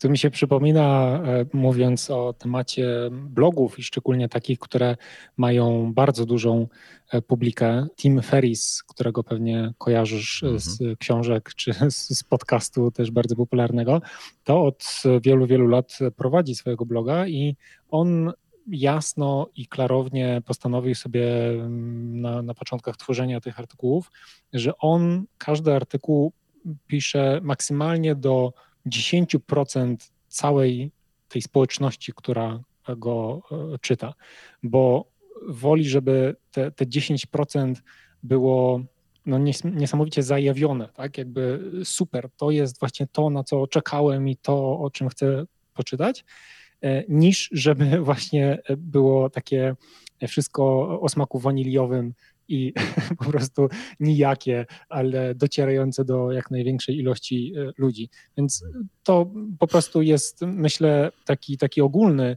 trend czy zjawisko, które w innych miejscach internetu już e, mocno zostało opisane i podkreślone, jak bardzo jest istotne, że e, po prostu my, odbiorcy, turyści, internauci, na tyle się różnimy i, i na tyle mamy jakieś tam swoje właśnie małe hobby czy rzeczy, które nas fascynują, że mamy to zjawisko tego długiego ogona, tak? ten, ten long tail e, treści, które na przykład właśnie na blogu publikujesz, e, może nie dotrą do wszystkich 100 tysięcy odwiedzających w danym miesiącu, ale ta grupa mała, ta niszowa, która zobaczy, że a, to jest dokładnie ten temat, który mnie interesuje i jestem jakby na tyle zakręcony czy zakręcona, że kupię jeszcze tam ten dodatkowy przewodnik, czy jakieś materiały, czy po prostu zwiedzanie bezpośrednio z tobą. Zatem fajnie, że idziesz w tym kierunku i życzę ci powodzenia, żeby te tematy pojawiały się i przynosiły też, też właśnie korzyści. No właśnie, dziękuję. A dla mnie to jest też rzeczywiście takie y, poszerzanie horyzontów, zdobywanie nowej, ciekawej wiedzy i potem nawet takiej pielgrzymce jakiejś, która potencjalnie nie byłaby zainteresowana tematem labele Pogwnice i mogę zdradzić mm. jakąś ciekawostkę, prawda, pod tytułem ten budynek zaprojektował Polak, a tutaj mieszkała polska arystokracja, bo takich rzeczy dowiaduje się właśnie y, pogłębiając wiedzę i szukając w jakichś dziwnych y, książkach i archiwach na potrzeby właśnie tych takich niszowych artykułów. Super. Powiedz mi jeszcze na zakończenie tego wątku, czy są jakieś konkretne miejsca, które ty po prostu lubisz odwiedzać z turystami? Niekoniecznie destynacje turystyczne, ale w ogóle po prostu coś, co zawsze sprawia ci przyjemność i, i, i widzisz też, że inne osoby są takie wow, no nie spodziewaliśmy się tego. Wiesz co, no ja oprowadzam po lazurowym wybrzeżu i Prowansji, więc prawdę mówiąc, mhm. każdy turysta, który jest tu pierwszy raz, zawsze robi wielkie wow, jest zachwycony i to mnie zawsze cieszy, bo lubię, tak, tak, tak, dumny wtedy trochę jestem z tego regionu, w którym mieszkam, że on budzi aż takie pozytywne e, i, i zachwyca. Ale no tak, rzeczywiście jest coś takiego jak, rytu, jak rutyna i, no, i też prawda, ciągłe pokazywanie Pałacu mm, Książęcego w Monako, kasyna, czy też no tak, wodospadu no Niczej, promenady. Tak? No właśnie, no właśnie. Najpierw oczywiście chcemy no. zwiedzić najciekawsze, y, najpopularniejsze atrakcje i to jest normalne. Ale bardzo lubię, kiedy ktoś y, zamawia moją usługę i mówi, że on już zwiedził Lazurowe, więc czy ja mógłbym mu teraz pokazać coś, coś poza szlakiem. I mhm. z kolei z drugiej strony nie lubię, kiedy ktoś jeszcze w życiu tu nie był, a od razu pyta, o nie chcę, bo to wszystko zadeptane, ja chcę poza szlakiem, bo wie pan, ja to nie jestem taki standardowy turysta. No bo ja wychodzę z założenia, że jednak e, te, te najciekawsze, te główne atrakcje na całym świecie, one, one nie bez powodu są najciekawsze i główne. No jakby mm. coś sprawiło, że y, cały świat chce je oglądać. Eiffla jest no więc, więc właśnie, więc wiesz, być w Paryżu i nie zobaczyć Pary, wieży Eiffla, bo ja to jestem po prostu taki nie, nie turysta, że tak idę pod prąd, że coś poza szlakiem, proszę, w ogóle będę odwracał mhm. wzrok od wieży Eiffla, to, y, to ja się z tym nie godzę. I rzeczywiście, kiedy ktoś y, nagle mówi, że już wszystko zwiedził i chce zobaczyć coś no faktycznie poza szlakiem, to mnie bardzo cieszy, bo ja go nagle zabieram do takich małych, uroczych, przepięknych miasteczek, na przykład tu w regionie, jak Bryn Cap Martin, gdzie zaraz obok mieszkała Coco Chanel i, i mogę opowiedzieć mm. ciekawą historię, mogę pokazać jedno z najstarszych drzew we Francji, mogę pokazać fantastyczny widok na Monako, mogę pochwalić się jakąś fajną restauracją. Mm, więc no to mnie zawsze cieszy, cieszy, bo to jest takie trochę przełamanie rutyny. Wiadomo, to jest pokazanie ludziom czegoś z myślą, że większość turystów y, tego nie zobaczy i to jest też taka wartość dodana dla tych, dla tych osób, które chciały zobaczyć coś poza szlakiem. Także mnie to bardzo cieszy, turysta jest zadowolony, każdy na tym y, korzysta. No ale tak jak mówię, to nie jest tak, że ja tu y, uważam, że trzeba iść teraz pod prąd koniecznie i pokazywać wszystko poza szlakiem i nie oglądać atrakcyjnych miejsc, tych, tych najważniejszych, bo poza szlakiem nie oznacza, że nie są atrakcyjne. Bardziej bym zawsze skłaniał wszystkich i to wszystkim mówię, że nie trzeba zwiedzać w szczycie sezonu, bo wiadomo, no ludzie mm, są mm. zmęczeni atrakcjami głównymi, bo one są zadeptane zwykle, no bo wszyscy się rzucają w szczycie sezonu. Tak. A można przecież przyjechać wczesną wiosną na Lazurowe Wybrzeże, można zwiedzać e, Prowansję jesienią, też jest piękna e, i wtedy jest bardzo mało, e, no może nie bardzo mało, ale dużo mniej turystów i można zwiedzić nadal główne atrakcje, a na przykład w sezonie przyjechać i właśnie wtedy tak troszkę pod prąd pokazać wszystkim, jakim to się jest turystą i zwiedzać poza szlakiem, gdzie w szczycie sezonu nie ma turystów. Oni się tam wszyscy y, tłamszą w jednym miejscu, zadeptują, a my jesteśmy niedaleko, poza szlakiem i nadal jest przyjemnie i ciekawie. Tak jeszcze w tym temacie takiego jakby unikania tych tłumów. Wiem, że to pytanie jakby bardzo takie na tą chwilę, ale pytam, bo, bo wiem z kolei z, z Włoch, która była taką moją główną destynacją, gdzie jeździłem jako pilot wycieczek w sezonie i bardzo dużo miejsc, na przykład Watykan, jeszcze w ogóle pod koniec zeszłego roku zaczęło wprowadzać nowe obostrzenie, jeśli chodzi o maksymalną ilość osób w grupie no bo po prostu te, te tłumy były tak e, olbrzymie, że infrastruktura nie wytrzymywała. Na przykład wprowadzili, że 15 osób to jest maksimum, jakie z, z danym przewodnikiem może wejść i zwiedzać w danym czasie Muzea Watykańskie. Czy y, w Nicei y, wiesz o jakichś właśnie takich obiektach, które już wprowadziły takie ograniczenia, nie tylko jakby z perspektywy pandemii, ale w ogóle e, z, z jakby próbą właśnie takiego e, lepszego gospodarowania, no żeby nie były zadeptywane właśnie te, te, te destynacje. We Francji to jest akurat problem Paryża przede wszystkim. Ja do dzisiaj pamiętam mhm. moją bardzo nieprzyjemną wizytę w, w Wersalu, w pałacu. To była katastrofa. Mhm. Ja chciałem z pierwszego piętra wyskoczyć przez okno otwarte, że tam nie, nie szło po prostu, nie szło. Ja nic nie pamiętam z tej wizyty. Nie szło Ale zwiedzać. nie mogłeś tego zrobić, bo tłumy były za no nie, no by dbamy na o swoje zdrowie, tak, i nie, nie, nie chciałem tak do końca kaleczyć się, ale rzeczywiście byłem bliski tej decyzji, ponieważ to był sierpień, był upał, a w, miałem wrażenie, że no tak, tak było po prostu, wpuścili każdego, kto chciał wejść i, i to była mm, katastrofa. i wtedy zacząłem doceniać jednak te losowania do parków narodowych, na przykład niektórych atrakcji w Stanach mm. Zjednoczonych, kto ma szczęście, ten zwiedzi, kto nie, to może innym razem, bo mm, tak powinno być. I nagle się okazuje, że przyszedł wirus i nagle e, sprawa została rozwiązana e, jakby przez naturę. I tak trzeba no, było tak. zrobić, dokładnie, żebym miał przyjemność ze zwiedzania tego Louvre, y, tego Wersalu, a, a nie, y, żebym jedynie pamiętał chęć wyskoczenia przez y, okno, tak było. Tyle było ludzi, nie szło się nawet przemieścić. I to akurat Paryż, więc w Paryżu takie rzeczy są możliwe. Na Lazurowym Wybrzeżu mhm. nie, z tego względu, że tu jednak większość atrakcji to jest piękna natura, krajobraz, architektura, plaże i to jest wszystko w zasadzie na zewnątrz. Nawet kasyno w Monte Carlo czy pałac y, księcia Monaco, to, to nie są takie atrakcje, które byłyby jakoś zadeptane strasznie i trzeba by tam było wprowadzać jakieś limity. Nawet y, w związku z wirusem y, takich potrzeb chyba nie ma. Jedyne takie miejsce, gdzie tu się w środku przebywa często, no to są muzea. Oczywiście fantastyczne mamy tu muzea, ale znowu Muzea nie wszystkich interesują, na przykład Polacy rzadko dość zwiedzają mm. muzea, no, Amerykanie częściej, to trzeba się oczywiście interesować konkretnym tematem. Ja też zawsze popieram, żeby nie pchać na siłę wycieczek do, do, do miejsc, do muzeów, na przykład tylko dlatego, że, że jakiś no tak. jest, prawda? Jeżeli kogoś to w ogóle interesuje, to szkoda, żeby tam spędzał czas. No z drugiej strony zdarzyło mi się oczywiście, że kogoś nic nie interesowało, nagle zobaczył w muzeum piękny obraz Szagala i nagle chciał się dowiedzieć czegoś więcej, więc ta, ta rola jednak mm. też tutaj poznawcza jest y, spełniona, więc może jednak warto iść do muzeum, nawet jak się człowiek nie interesuje, bo, bo nagle czegoś zobaczy, że coś go może jednak interesować, a o, o czymś nie miał pojęcia.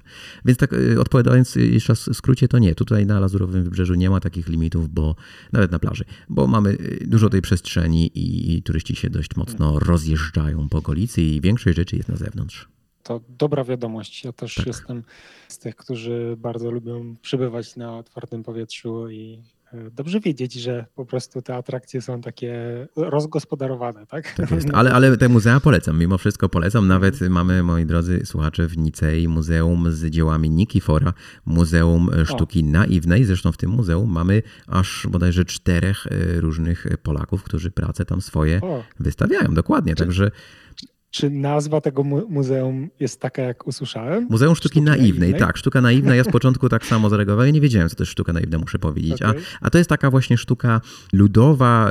Y, często to są dzieła, czy też czasami obrazki, bazgroły czasami tak naprawdę, takie aha, mam wrażenie. Aha. Robione przez ludzi czasami niedorozwiniętych na przykład umysłowo, no, okay, czy czasami okay. mają jakieś ograniczenia.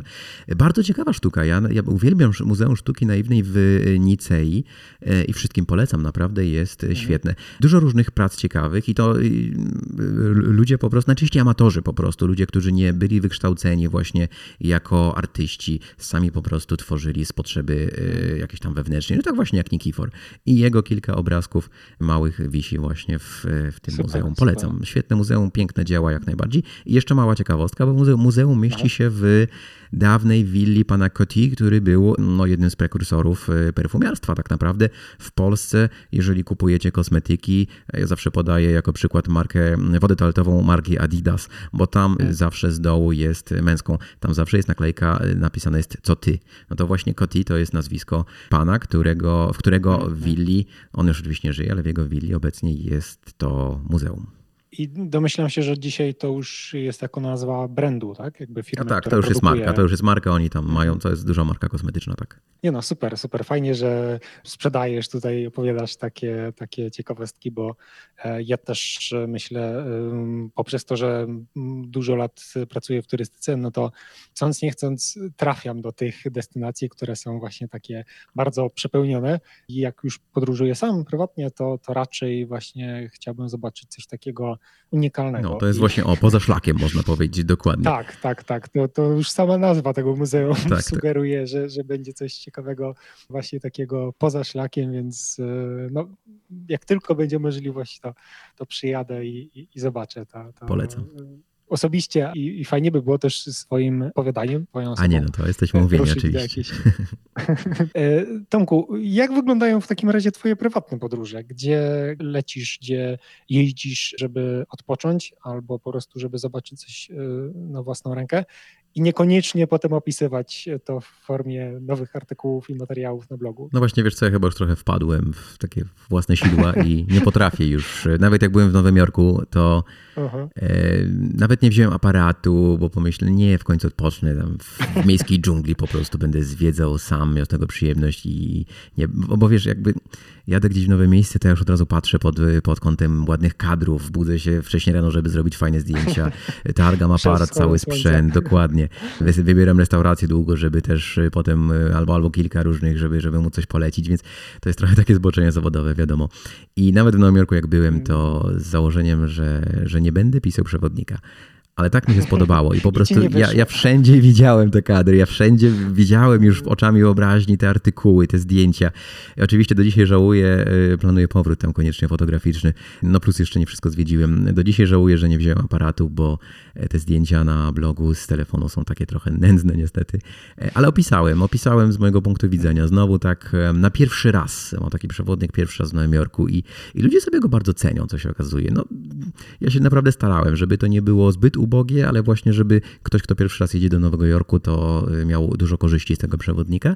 I też bardzo starałem się nie udawać, że ja jestem ekspertem wielkim od Nowego Jorku, że ja tam spędziłem pół życia i wiem wszystko i po prostu musicie mi zaufać, że to wszystko, co opisałem, to jest najlepsze, najfajniejsze i tylko to. Nie, oczywiście nie. E, są rzeczy, A mógłbyś. których... tak, nie, to mnie... To, to ja się trochę chwalę, że jestem ekspertem od Lazurowego Wybrzeża i Prowansji. To rzeczywiście mogę tak z mm. czystym sumieniem mówić. Ale właśnie czy to Rzym, czy inne miejsca, czy Nowy Jork, które opisałem, to nie. To ja zawsze mówię, że to jest taki podstawowy przewodnik. Jeżeli jedziesz tam pierwszy raz i skorzystasz z mojego przewodnika, to masz pewność, ja ci gwarantuję, że nie stracisz nic absolutnie z najważniejszych atrakcji, że zobaczysz wszystko, co moim zdaniem warto zobaczyć, więc zawsze idę w e, tą stronę. Także jak ja gdzieś jadę, to, to właśnie tak niestety pod kątem od razu tego, że będę miał dużo pracy. To jest męczące, no bo oczywiście od rana do mhm. wieczora staram się dużo zwiedzić, dużo zobaczyć.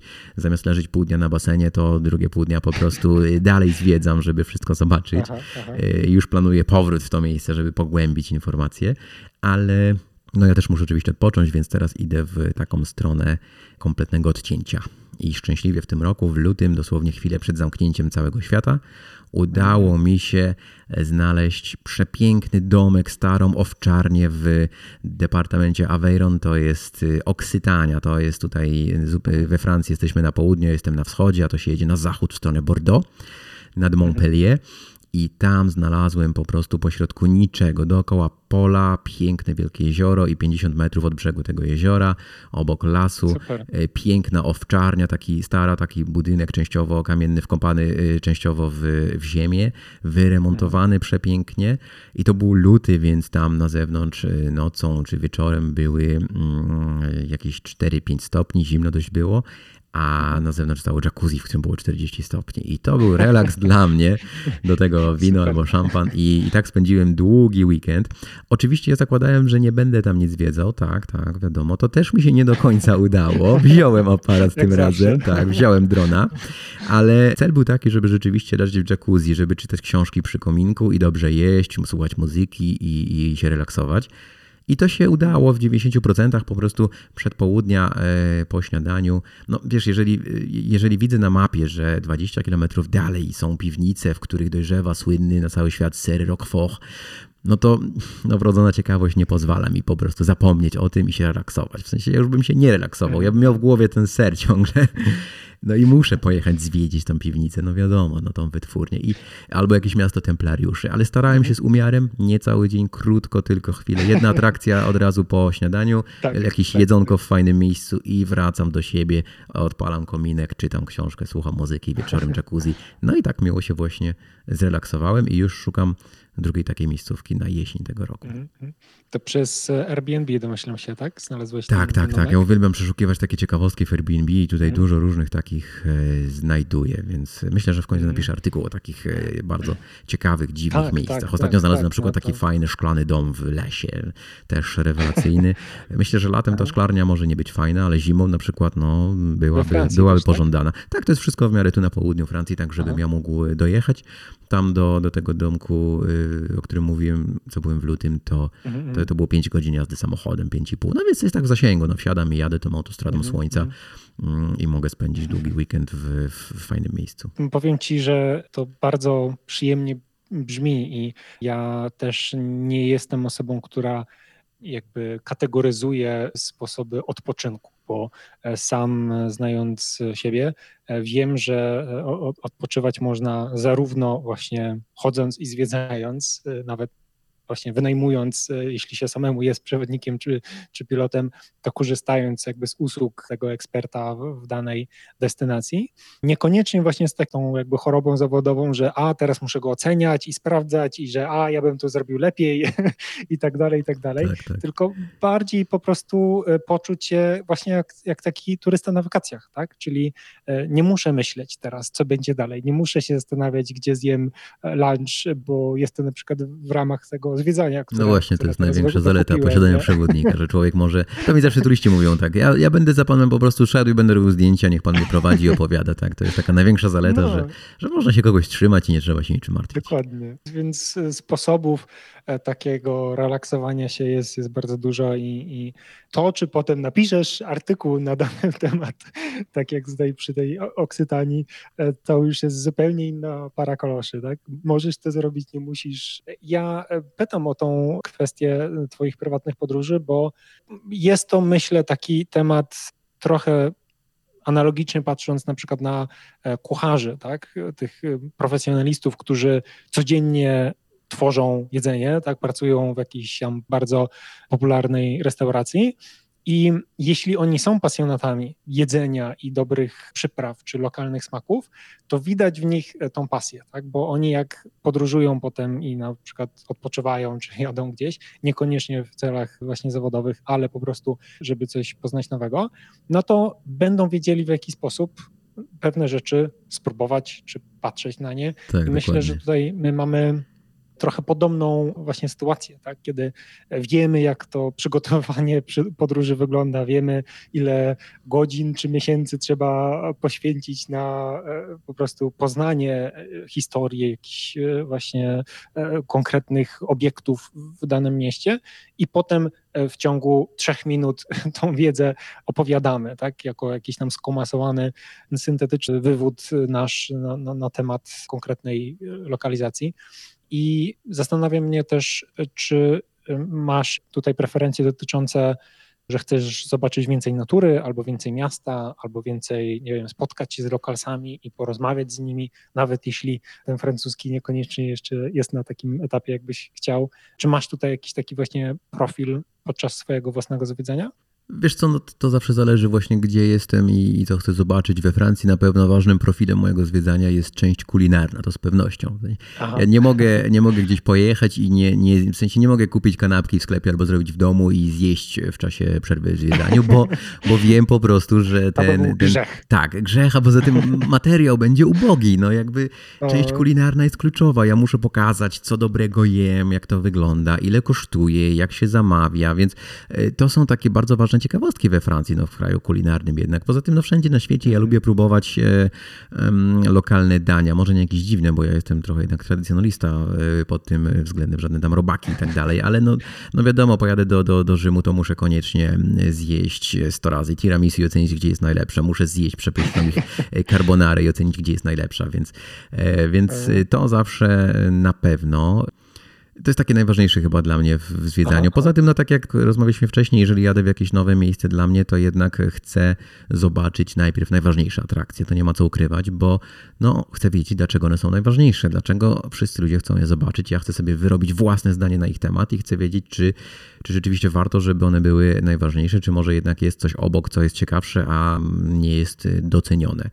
Także na pewno na to wszystko zwracam uwagę. Tak samo tutaj, jeżeli czasami mnie ludzie pytają, czy to słynne Es Village, miasteczko takie kamienne, przepiękne, mhm. wyglądające jak zamek, między innymi cała Monako leży, czy ono jest rzeczywiście tak piękne, jak to opisują we wszystkich przewodnikach na świecie, a ja z kolei mówię, że, że niekoniecznie, no, jest nad morzem, więc jest piękny widok, ale na przykład 10 km od morza jest y, drugie bardzo podobne, uważam, że nawet ładniejsze, ale nie ma widoku na morze, więc teraz pytanie, co szanowny turysta chce, czy chce bliżej no morza, tak. czy chce dalej, prawda?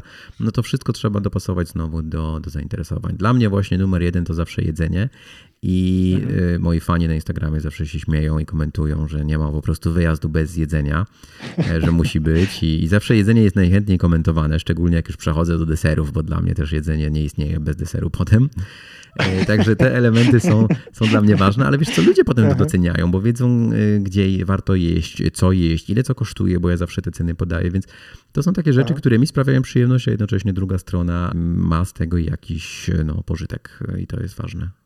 Masz tu jakiś klucz, jeśli chodzi o research e, właśnie tych restauracji, czy miejsc i smaków w danych miejscach, w danych regionach? Wiesz co, no, ja czasami zwiedzam tak małe miejscowości tutaj, że jest tylko jedna restauracja i nie mam po prostu wyboru mm. i ona jest zwykle oczywiście dobra, bo to jednak Francja, ale ostatnio byłem w właśnie na Prowansji w takim miasteczku, gdzie było sporo restauracji i byłem dość głodny, już była, była pora jedzenia, oczywiście trzeba ich tu przestrzegać, nawet już było trochę po 13, więc ryzyko, że nigdzie nie zjem, że mnie nie, nie, nie pozwolą usiąść tak. rosło z każdą minutą, więc usiadłem w, takim, w takiej Brazyrii, gdzie no widziałem, że ludzi siedzi sporo, ale jak wjeżdżałem do miasteczka, to widziałem inne ładne restauracje w innej części miasta. No ale usiadłem. I tak jak usiadłem, to już widziałem, że serwis będzie trwał długo. I rzeczywiście chyba przez 10 minut kelner w ogóle nie przyszedł nawet z kartą menu. I ja w tym czasie mhm. miałem czas, żeby się rozejrzeć, miałem czas, żeby zerknąć na, w, w internet na opinię. I kiedy zobaczyłem, jak słabe ma opinię to miejsce, to uciekłem od razu. I okazało się, że 200 metrów dalej była typowo prowansalska tak, restauracja, w której Super. zaserwowali fantastyczną rybę, tylko 2 euro drożej niż tam miałem coś zamówić. Mm. I wiesz, i zupełnie inne doświadczenie, więc no czasami warto po prostu zaufać intuicji, rozejrzeć się i, i stwierdzić, że może dajmy sobie jeszcze kilka minut na poszukanie lepszego miejsca. Także szukam po prostu mm, trochę na węch, trochę na oko, bo y, też oczywiście, jeżeli jestem w miejscu turystycznym, to jest trochę mylące patrzeć. Y, y, popularnie się mówi, że prawda, jak siedzi w danym miejscu dużo ludzi, to tam trzeba usiąść. Mm, to jest trochę mylące w miejscach bardzo turystycznych, no bo jednak może się tak, okazać, że tak, wszyscy tak. ci ludzie to no. turyści. Jedzenie jest tak kiepskie, bo e, ci turyści raz przyjechali, zjedli, już nigdy tu nie wrócą i, i tak, będą, napchać, tak, będą przeklinać do końca życia, ale już nie wrócą, więc ten, ten właściciel nadal będzie zarabiał na kolejnych, którzy zjedzą jednorazowo i już tu nie wrócą. Także e, no, hmm. z tymi restauracjami trzeba uważać, nawet we Francji, mimo wszystko nawet we Francji. To jest, e, myślę, też taki e, element, który ja widzę bardzo wyraźnie i zastanawiam się, jak można go jeszcze lepiej ugryźć i sprzedać w takim sensie, że chociażby Google Maps, tak? Mapy, mapy Google'a stały się takim olbrzymim zasobem po pierwsze poruszania się po dowolnym mieście. Tak ja e, nie pamiętam już czasów, w którym nie korzystałem z tego. Tak? Ja po prostu dorastałem w takim sensie, że zawsze jakieś urządzenie było e, w zasięgu. Jak tylko to urządzenie można było schować do kieszeni, to byłem przeszczęśliwy. A jeszcze jak mamy dzisiaj GPS-y i jakby bardziej zaawansowane formy tej, tej geolokalizacji, która od razu ci podpowiada, tak, że a w zasięgu masz tam ileś tych restauracji i one jeszcze pokazują się zgodnie z tym ratingiem, tak? czyli jeśli więcej osób e, podkreślało, że to jest 5 na 5 gwiazdek e, i że tu warto e, podejść, to ja już tą jakby tą sferę tego, co my wszyscy robimy i większość tych turystów, która dociera do tych miejsc robi, nazywam taką rozszerzoną rzeczywistością, tak? Ten, ten taki augmented reality już w jakiejś formie jest, szczególnie jeśli mówimy o tym, tym ruchu turystycznym, bo skoro masz ten telefon w ręku i masz dostęp do internetu, a bardzo łatwo jest tam z kartą SIM czy z jakimś Wi-Fi publicznym e, po prostu szybko znaleźć te, te informacje, to dlaczego miałbyś nie pójść właśnie do tej lepszej restauracji? No tak, głupio by było nie dalej? skorzystać, o to chodzi. Dokładnie, dokładnie, a tym bardziej, że e, idąc jakby za ciosem i widząc, że niektórzy właściciele tych punktów e, dbają o to, żeby dobrze się wyświetlać albo płacą za reklamy, żeby to się rzadko we Francji akurat. Francja nie docenia nowej technologii, absolutnie. No właśnie, bo rzadko w tej Francji bywam, we Włoszech to też z tym bywa różnie, ale powiedz mi, jak wygląda na przykład właśnie ta kwestia pokazywania tego jedzenia na Instagramie. Czy te restauracyjki, jakieś inne miejsca już doceniają ten aspekt tego, żeby pięknie zaprezentować te swoje potrawy i to też jakby przyciąga ten, ten ruch turystyczny albo lokalny? Czy, czy coś takiego się dzieje, czy, czy niekoniecznie? Mało, mało, bardzo mało. Francuzi ciągle, wiesz, to jednak jest najpopularniejsza destynacja e, turystyczna na świecie, Francja, więc mhm. E, oni ciągle mają gości, ciągle mają starać, turystów. Tak? tak? ja mam takie wrażenie, że nie muszą się starać, te restauracje mhm. są zawsze pełne, oni nie muszą o to dbać, oni nie dbają o nowe technologie, oni dbają o to, żeby kuchnia była pełna świeżych e, produktów i żeby jedzenie mhm. było dobre. Ale wracając do tego wątku map Google i, i tych ocen, które sprawdziłem, to muszę jeszcze dodać ważną rzecz, bo to, to, nie można tak zero tego odbierać. Ja na przykład mam kilka ulubionych restauracji w Nicei, do których zabieram turystów i zawsze wychodzimy, i sam tam też, i, i zawsze wychodzimy zadowoleni. A one na przykład mają bardzo kiepskie opinie.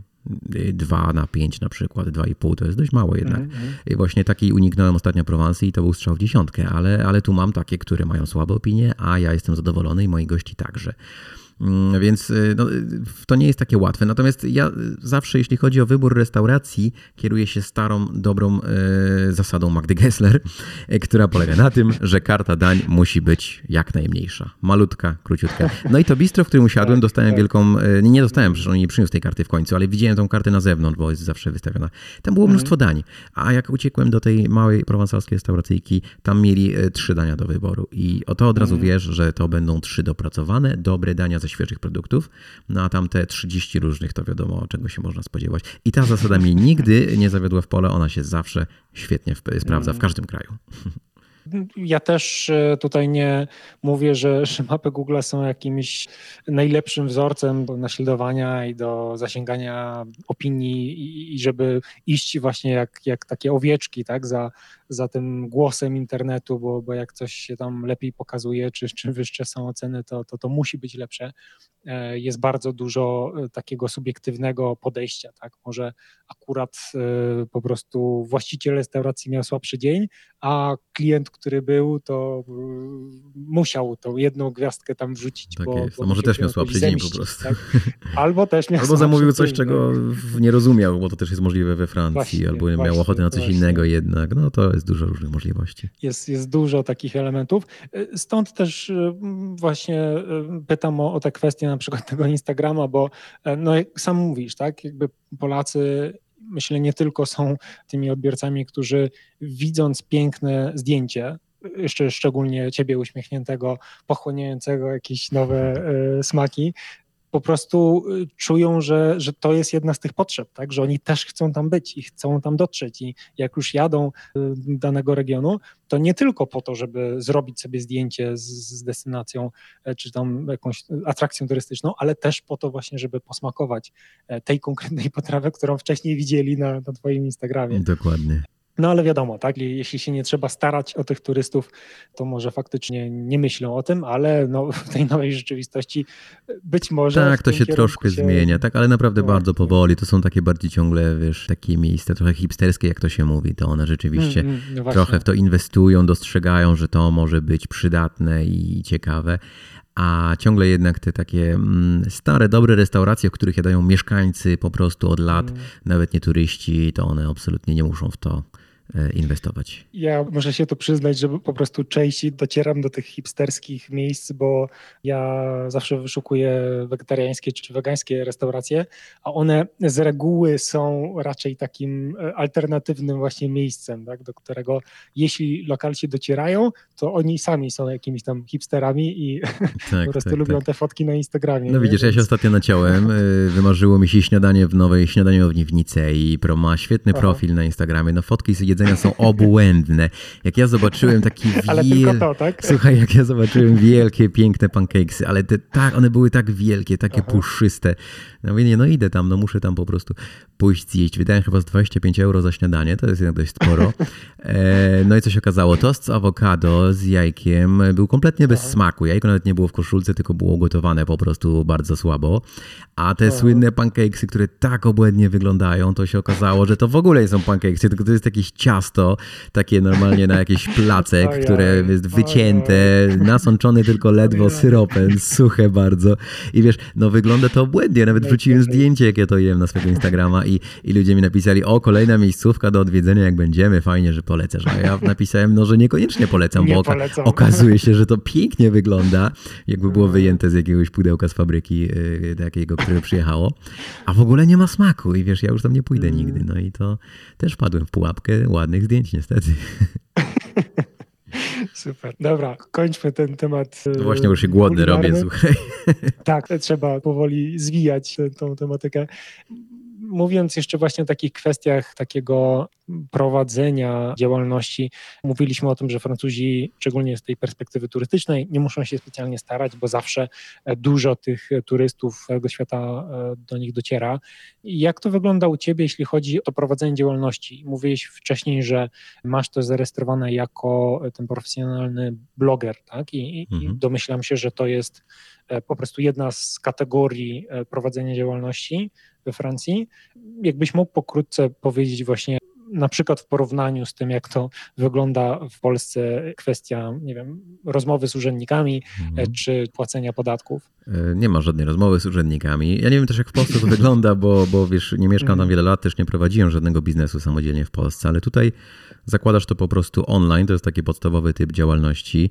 E, Wszystko w sumie robisz e, online, podatki płacisz online, deklarujesz ile masz e, przychodu, płacisz od tego podatek, więc e, no, bardzo prosto to wszystko działa. Ja rzeczywiście założyłem działalność jako bloger profesjonalny, tam to jest właśnie tak jak mówisz, jedna z kategorii, możesz oczywiście dodać kategorię właśnie przewodnik, no byle nie przewodnik, e, to się nazywa guide conférencier, to jest właśnie taki przewodnik, który może prowadzać po muzeach i musi mieć licencję, Mhm, więc na, na przykład moja koleżanka chciała założyć działalność e, jako kosmetyczka, ale nie może, bo musi wgrać online e, swój dyplom, ale dyplomu nie ma, A, więc... czyli sprawdzają Tak, więc są pewne Aha. rzeczy regulowane, jak na przykład właśnie przewodnik ten taki, który po muzeach może i wtedy musisz wgrać swój dyplom, inaczej nie założysz tego typu działalności. Okej. A są rzeczy jak, jak jest normalnie przewodnik lub e, jak e, właśnie bloger profesjonalny, gdzie po prostu zakładasz działalność, wybierasz odpowiednie kategorie i możesz działać. To wszystko było proste, nawet mimo tego, że było po francusku i nie bardzo rozumiałem, bo to robiłem kilka lat temu. E, można Google było. Translate, tak, tak, tak, to oczywiście było najważniejsze. Można było sobie poradzić. I no, no cóż, no do dzisiaj prowadzę ten biznes. Raz na kwartał deklaruję swoje przychody, od tego płacę dość duży, bo prawie 25% podatku. No ale nadal jakby mm, tylko od przychodu. Jeżeli mam zero przychodu, to nie płacę podatku, nadal jestem ubezpieczony, więc e, mogę wystawiać faktury, więc mm, to jest taka uproszczona działalność. Nie jestem watowcem. Ona właśnie mm, daje tą korzyść, że można szybko rozpocząć i do jakichś tam powiedzmy przychodów takich znośnych ona jest wystarczająca. Jeżeli ktoś będzie miał dużo większe przychody, to już e, czasami powyżej jakiegoś tam limitu jest oczywiście zobligowany do przejścia na inny typ działalności, a, Mhm. e, a czasami po prostu może mu się opłacać wcześniej to zrobić. Mi się opłaca prowadzić to, co prowadzę. Jestem zadowolony, plus oczywiście no, rozmawiamy w czasie e, pandemii i Francja zadbała też o, o ten Opiekę czas, tak, o opiekę dokładnie, Pracującymi. Mhm. o opiekę. Czyli tutaj też ciekawe, bo mówiłeś poza nagraniem, jak rozmawialiśmy, że to nie jest jakby podyktowane tobą jako y, obywatelem, tak? bo, bo nie jesteś obywatelem Francji, tylko po prostu Mhm. tobą jako prowadzący działalność we Francji. Tak, tak, Więc no ja mam swoje centrum życia. Fajne? Y, To jest też taką Mhm. rzecz oczywiście bycia w Unii Europejskiej, wiadomo. Tak, tak. Więc wszystkich przeciwników pozdrawiam serdecznie, bo ja mogę prowadzić normalne, przyjemne życie we Francji dzięki temu. Mhm. Ostatnio poznałem Amerykankę z Teksasu, która już trzeci rok żyje tutaj w Nicei na wizie turystycznej. I ona jest copywriterem, pisze różne teksty na zamówienie, ale ona oficjalnie działalności tu niestety nie może prowadzić żadnej. Jest jako turystka, więc jakieś tam ma działalności ze Stanów, no może pracować gdziekolwiek na świecie, więc siedzi obecnie tutaj. No ale, Ale mówiła, pro, że... ona próbuje y, jakby uzyskać jakieś tam pozwolenie? No, no właśnie Francji, mówi, że raczej już tu zostanie na stałe, bo jej się tu podoba, więc będzie teraz próbowała to wszystko oczywiście mm, unormować i, i zrobić tak, jak hmm. to powinna zrobić, bo wtedy będzie miała więcej korzyści. No ale właśnie na razie ma to wszystko utrudnione, a ja po prostu jako obywatel Unii przyjechałem tutaj, mam ubezpieczenie, mogę prowadzić działalność, pracę tu podatki, no tutaj mam, tutaj mam swoje centrum życia, więc no i właśnie w momencie, kiedy jest pandemia, to oni też o mnie dbają, czyli mogę otrzymać jakieś specjalne zasiłki w momencie, jeżeli mam spadek przychodów w związku z mhm. koronawirusem do analogicznego okresu z roku poprzedniego. Tak? I to nie trzeba jakoś specjalnie udokumentować, po prostu wypełniasz e, formularz i online i w zasadzie kilka dni później dostajesz przelew na konto. I to jest rzeczywiście mhm. duża pomoc w momencie, kiedy turystów nie ma, a na blogu się mało co sprzedaje, no bo tak wiadomo to teraz mhm, e, mhm. wygląda. Zresztą, wiesz co, to tam mnie zaskoczyło, kiedy się tu wprowadziłem, że no, no, Polska mi się jednak kojarzy, szczególnie e, polska skarbówka, jednak z, takim, z taką sytuacją, z taką rolą, gdzie ty mhm. jako człowiek jesteś jakoś tak z góry traktowany jako przestępca i osoba, która chce państwo szukać i okraść. A no Oczywiście, niestety, tak, niestety takie mam, takie mam odczucia. A tutaj się okazuje, że jak ja e, przez tą moją niewiedzę, nieznajomość języka i pewnie też nieuwagę przegapiłem termin zapłacenia jakiegoś podatku, to miesiąc później dostałem pismo do domu, w którym było uprzejmie miło napisane, że szanowny panie Tomaszu, no tutaj minął termin zapłacenia podatku jakiegoś tam i no sugerujemy, żeby pan to zapłacił jednak w ciągu najbliższego miesiąca, bo jak nie, to możemy na pana nałożyć karę. I to było, wiesz, w takiej formie że no, no zapłać, no bo co będziesz nie płacił, no powinieneś, a my w razie czego możemy nałożyć karę. Też nie musimy, ale możemy. To było w takiej formie. Mm. Ja byłem zaskoczony. Oczywiście od razu zapłaciłem ten podatek, bo ja nie chcę ich unikać, po prostu przegapiłem, no więc... Ale to, to, to było duże mm. zaskoczenie i to mi się zdarzyło kilka I, razy potem i, e, I, przez i nie miałeś z tego powodu Nie, absolutnie żadnych, żadnych tam nie, naliczonych nie. kar, tak? I, nic kompletnie, nic kompletnie. Raz no. się zdarzyło, że gdzieś tam znowu jakiś inny, bo dużo różnych podatków się płaci. Francja, wiadomo, duża biurokracja. Ja ciągle tego nie ogarniam tak jak trzeba i gdzieś tam znowu się z czymś spóźniłem, z jakąś deklaracją i tam z kolei dostałem maila, że no jakby została mi już nałożona kara 50 euro, po prostu musieli ją nałożyć, ale ja tu y, wystarczy, że napiszę jakieś tam pismo i im wyślę skan i ta kara automatycznie zostanie anulowana. Także o. tak, więc wiesz, oni ją nałożyli, bo musieli, ale, ale ja po prostu mogę jej uniknąć ciągle i to zrobiłem i uniknąłem tej kary, więc e, no fajnie to działa. W zasadzie raz w życiu tylko zapłaciłem karę za podatek od nieruchomości, gdzie to rzeczywiście zapłaciłem dość dużo, nawet bo 100 euro. Trochę byłem zły z tego powodu, bo wolałem to wydać w restauracji na dobrą kolację, ale no tam faktycznie kompletnie zapomniałem. Ja myślałem, że tak naprawdę przelew się zrobił, że pieniądze już mają, oni nie mieli i chyba w żaden sposób mnie nie informowali o tym, że trzeba zapłacić, albo ja przegapiłem. No i rzeczywiście nie dość, że zapłaciłem, to jeszcze zapłaciłem karę. No ale dobrze, no w końcu gdzieś jakaś nauczka musiała być i teraz Bywa, trochę bardziej tak, pilnuję z tymi podatkami. Swoją drogą, bo też widziałem na Twoim blogu, że rekomendujesz szczególnie e, turystom, którzy przyjeżdżają, żeby sobie założyli konto e, na rewolucie. Ja sam z tego korzystam i jest to bardzo fajne rozwiązanie, szczególnie jeśli chodzi o przelewy, tak? w sensie e, konwertowanie na przykład złotówek na euro.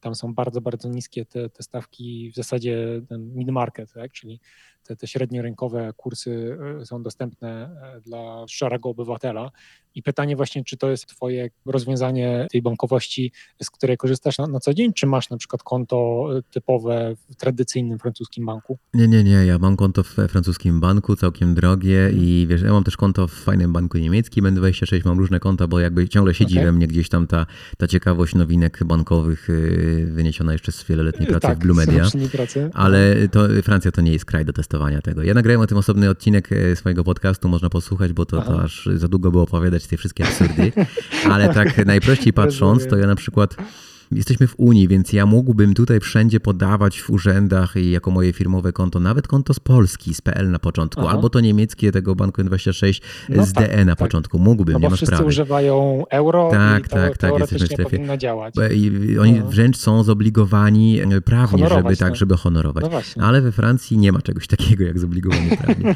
I, I nawet Revolut ostatnio mi przysłał maila i N26 Oj. też, że oni mają gotowe formularze, informacje dla urzędników, którzy łamią prawo Ojej. i nie chcą uznać mojego konta z początkiem na przykład DE albo PL. Oni mają obowiązek uznać, ale tego nie robią. Po prostu nie, nie dostaniesz pieniędzy na przykład z urzędu, jeżeli nie podasz im konta francuskiego. I oni, francuskiego. Ta, I możesz przyjść z dokumentami po francusku, że to jest nielegalne. Mo, nic z tym nie zrobisz. Musiałbyś ich pozwać do sądu, sprawy by się toczyły no i tak, dopiero tak, na końcu tak. byś wygrał. Więc, Być może e, też oczywiście. No, wiesz, racja jest po twojej stronie, ale to by się toczyło, wiadomo. Mhm. Więc e, wiesz co, no, szkoda mi zdrowia, to się żyje, wiesz, tu trzeba korzystać z życia, więc ja po prostu się podporządkowałem. Mam konto we francuskim banku, który jest bardzo kiepski, bardzo kiepski, jest największy, jest kiepski. bardzo kiepski. Ale testowałem różne banki, są jeszcze gorsze. Ja takie przygody już miałem z tymi bankami, że szkoda. Naprawdę, no, nagrałem o ten odcinek, zapraszam do siebie, bo, super, bo super. szkoda tego tutaj Posłucham. teraz y, powielać. Ale no mhm. właśnie, nie, nie ma co cwaniakować. Ja przyjechałem i zacząłem cwaniakować z bankowością. Myślałem, że będę taki tu mądrzejszy od nich, bo przyjechałem z Polski, ale szybko mi utarli nosa, naprawdę, nawet blokując mi na dość długo dostęp do moich własnych pieniędzy, pod, pod, no tak, bo uważali, że jest podejrzenie fraudu i że ktoś chce mnie okraść, a ja to po prostu sam chciałem być zacwany.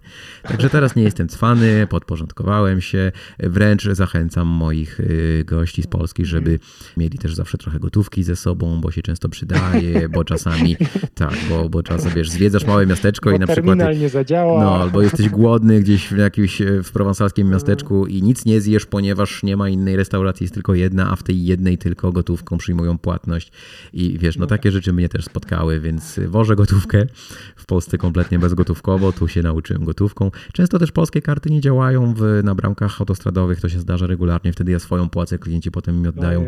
E, także no tak, Francja w tym temacie to jest jeszcze naprawdę. Polska tu się może chwalić jak najbardziej. Tak, tak, tak. To, to ja jestem pod wielkim wrażeniem. Chociażby patrząc na te, te zachodnie rozwiązania typu e, Revolut czy TransferWise, które weszły do Polski i my jesteśmy jedną z większych grup klientów w tych usługach. No właśnie, bo Polacy się nie prostu... boją korzystać z takich nowinek, tak, lubią tak, je tak, tak dokładnie. Tak, no Wiesz, ja, ja płacę tutaj za zakupy na przykład zegarkiem, no po prostu Apple Pay w zegarku mamy, no, płacę zegarkiem, więc no tak. E, do dzisiaj e, zwykle wszyscy w sklepach się dziwią, obsługa się dziwi, reaguje, tak, o co chodzi i mówi, a to jeszcze nigdy... Zepsułeś terminal. No, wiesz, ja tak już płacę ze 3 czy 4 lata, a, a słyszę w sklepie na przykład jakimś dużym, że a to jestem pierwszą osobą, która tak w ogóle zapłaciła kiedykolwiek. Także mm. często słyszę, że jest to niebezpieczne, bo oni tu we Francji wszystkiego się boją, co mnie, co mnie bawi, bo sami używają czeków ciągle, mam książeczki czekowe, więc, więc wiesz, a, i oni mówią, że płatności zbliżeniowe są niebezpieczne, albo że moja karta przezroczysta z niemieckiego banku, ona jest przezroczysta, ona jest niebezpieczna, dlaczego jej używam? Tak, też miałem z tego no, to jest, to jest Francja, mhm. to jest Francja to zabawny kraj, taki pełen sprzeczności, bo ja wiesz, potem widzę jak Francja e, buduje nowoczesne samoloty albo puszcza rakiety w kosmos przecież i, mm. i ja jestem zawsze zaskoczony, jak to możliwe, że oni mają czeki, że oni boją się płacić e, kartą, a, a jednocześnie budują takie nowoczesne technologie. Tak to bywa, Kraj myślę, że, że, takie absurdy w każdym kraju możemy tak, tak znaleźć. Tak, tak, dokładnie, dokładnie. Nie jest to jakby typowo powiązane z jakąś jedną narodowością. Tak, to na pewno.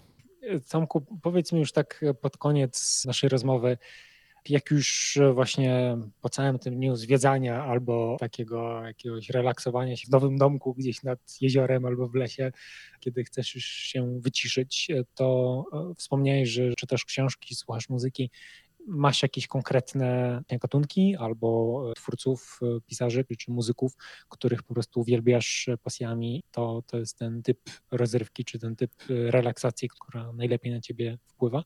Wiesz co, ja książki czytałem dotychczas kryminały i to właśnie no, to też kategoria mówi dużo o, o celu czytania, po prostu dla rozrywki, żeby się zrelaksować. Czytałem kryminały i to były różne kryminały, okay. oczywiście fala tam skandynawskich i tak dalej, trochę polskich, ale teraz czytam e, jednak nie dla rozrywki, ale żeby się głównie czegoś dowiedzieć, bo jestem w takiej fazie właśnie mm, głębokiego e, poszerzania swojej wiedzy na temat regionu, więc czytam książki Romana Garego, który w zasadzie był moim sąsiadem, byłby gdyby żyła. Jest jedyną osobą, mhm. która dostała mm, dwa razy nagrodę Goncourtów, którą można tylko raz dostać we Francji, ale drugą książkę o. napisał pod pseudonimem. E, czytam tak, czytam dużo, no właśnie, czytam dużo o winie, żeby się jednak nauczyć w tym zakresie, żeby napisać kolejną podróż tematyczną. Czytam dużo o artystach, którzy tu mieszkali. No jakby Aha. ten region stał się moją pasją, więc to jest też dla mnie forma relaksu, kiedy czytam o artystach tu żyjących, kiedy właśnie czytam o y, właśnie o takich rzeczach jak wino, oliwa, żeby po mhm. pierwsze trochę zdobyć informacji, żeby podzielić się potem tym na blogu, a jednocześnie to jest dla mnie ciekawe i pasjonujące, a jeżeli już naprawdę chce się kompletnie zresetować, to wystarczy tak naprawdę kupić e, pizzę z garażu za, za, za 6-7 euro, czyli najtaniej z garażu, bo, bo te wszystkie najtańsze są prowadzone w garażach pizzerie, tam nawet wejść za bardzo nie można, e, więc dla uproszczenia mówię z garażu, e, więc kupuję tanią pizzę, kupuję wino, idę na plażę i mam świetne jedzenie za naprawdę niewielkie pieniądze, piękne otoczenie i można tak miło spędzić sobie cały wieczór, relaksować się, czemu nie. Bardzo fajnie brzmi i myślę, że ten e, klimat e, Mcei i Lezerowego Wybrzeża mocno wpłynął na ciebie. Tak, tak. No i to właśnie trzeba toczyć już... życie zgodnie z rytmem do natury i z otoczeniem. I wtedy właśnie człowiek korzysta z tej takiej francuskiej radości życia, jak to mówią. Mhm. Czy jest to jeszcze jakoś powiązane z jakąś e, lekką albo ciężką formą aktywności fizycznej? Na przykład, nie wiem, robisz spacery wzdłuż wybrzeża, Wiesz co, najdużo spaceruję, tak, tak, e, nawet ze względów zawodowych, wiadomo, ale ja zawsze byłem leniuchem, jeśli chodzi o sport, natomiast e, sytuacja zamknięcia w domu w czasie pandemii e, koronawirusa spowodowała, tak. że trzeba było się ruszyć, no bo nagle, prawda, nie spaceruję z mhm, turystami, mhm. nie spaceruję w ogóle, ruchu mało, więc wstałem z kanapy i zacząłem interesować się jogą, więc wtedy był duży problem. O, wtedy był duży super. problem kupić w ogóle cokolwiek do jogi, chociaż matę, bo cały świat kupował. No wszyscy tak, w domu tak, z dostawą. jogę wtedy. Więc czekałem na swoją trzy tygodnie, w tym czasie na, na, na koce ćwiczyłem. Zauważyłem potem, mm. jaka jest duża różnica i że jednak mata jest przydatna. I zainteresowała mm. mnie ta joga, więc rzeczywiście dla zdrowia kręgosłupa troszkę E, tak, troszkę tak, tak, zacząłem się, się, tym interesować mm. i jest to fajne. Robię to sam w domu. Ja kiedyś chodziłem na jogę w Polsce, ale zauważyłem jednak różnicę, że e, fajniej mi jest ćwiczyć samodzielnie w domu niż z jakąś grupą osób e, i z kimś prowadzącym. To mnie zawsze jakoś tak chyba męczyło i się mi to nie podobało, a w domu robię co chcę, włączam sobie na YouTubie jakąś joginkę i no jest to mhm, fajne. Mhm. Jest to coś, co działa na mnie prozdrowotnie. Pewnie znasz e, Yoga with Adrian. No całe 30 dni zrobiłem, oczywiście. Co prawda zajęło mi to prawie dwa miesiące, ale zrobiłem te 30 dni i, i teraz tak, właśnie tak, robię tak. jakieś tam kolejne. Świetna dziewczyna. i, bardzo, bardzo fajne tak, bardzo fajny źródło. No, no. Mnóstwo ludzi z tego korzysta. Tak, no właśnie w czasie pandemii ona po prostu zrobiła się wielką bohaterką tak, na skalę międzynarodową, bo wszyscy robili 30-dniówkę. No, no.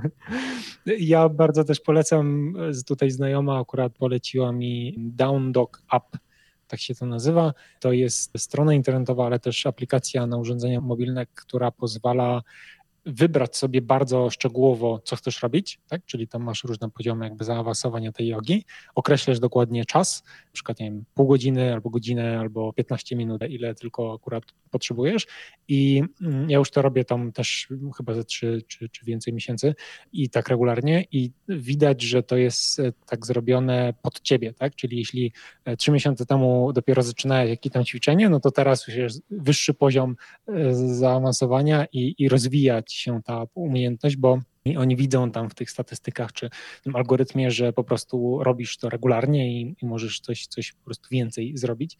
Także. No, dzięki no, za polecenie, taka, to muszę sobie sprawdzić koniecznie. No, alternatywa do, do filmików na YouTubie, bo jednak na YouTubie jest to takie, jak już raz zostało to nagrane, to potem już się to nie zmieni, nie? no tak, możesz to no tak. powtarzać w kółko, a tutaj widzę, że jest to całkiem użyteczne. Tomku, gdzie najbardziej jesteś aktywny online? Gdzie ludzie e, powinni cię jakoś followować i patrzeć na to, co się dzieje z tobą w tej mm, przestrzeni no, internetowej? Znaleźć można mnie w wielu różnych miejscach, ale chyba najbardziej aktywny, poza oczywiście swoim blogiem, na którego serdecznie mhm. zapraszam, to jestem chyba jednak na Instagramie Lazerowe Wybrzeże. E, bo tam wszystkie te story oczywiście łatwo wrzucić i tam widzę tą interakcję największą z moimi fanami, z moimi czytelnikami, z moimi znajomymi, więc e, tak, Instagram Lazurowe Wybrzeże to jest to miejsce, gdzie na co dzień coś tam zawsze się dzieje i czasami nawet jestem zaskoczony, bo e, ja zwykle jak podróżuję, to tam wrzucam relacje z podróży, a ostatnio mi kilka osób mhm. napisało, a czy będą jakieś takie relacje z codziennego życia we Francji, bo oni dopiero dołączyli i to ich interesuje, więc byłem zaskoczony, no i tak, no i czasami sobie mhm. spaceruję wieczorem promenadą i pokażę, prawda, jak wygląda plaża albo, albo co ciekawego można gdzieś tam robić w okolicy, zdradzę, więc no rzeczywiście Instagram to, to jest to miejsce. Tak, tak, ja też przyznaję, że chciałbym zobaczyć więcej ujęć e, ciebie z tego garażu, jak bierzesz tam pizzę i siadasz z tym winem gdzieś na wybrzeżu. No, to jest tak, bardzo tak. klimatyczne i bardzo takie właśnie No to rzeczywiście Oczywiście na Instagramie można takie rzeczy znaleźć. Super, bardzo Ci dziękuję Tomku za naszą długą rozmowę. To ja dziękuję, było mi e, bardzo miło. Cieszę się, że właśnie możemy to nagrywać pomimo tych wielkich odległości, bo Ty jesteś teraz w Nicei, we Francji, ja jestem w Kuala Lumpur, no w Malezji. I jest to myślę bardzo istotne, żeby nie poprzestawać pomimo tego, co się dzieje na świecie, ale skupić się na tych przyjemnych rzeczach, bo one e, na pewno wrócą w którymś momencie i żebyśmy mogli podobnie wszyscy zwiedzać. Także raz jeszcze Ci dziękuję Tomku i e, do usłyszenia następnym razem. Dziękuję bardzo, pozdrawiam z Nicei. Linki oraz notatki do wszystkiego, o czym rozmawiamy, znajdziesz na nerdontour.net przez lazurowy, nerdontour.net przez lazurowy.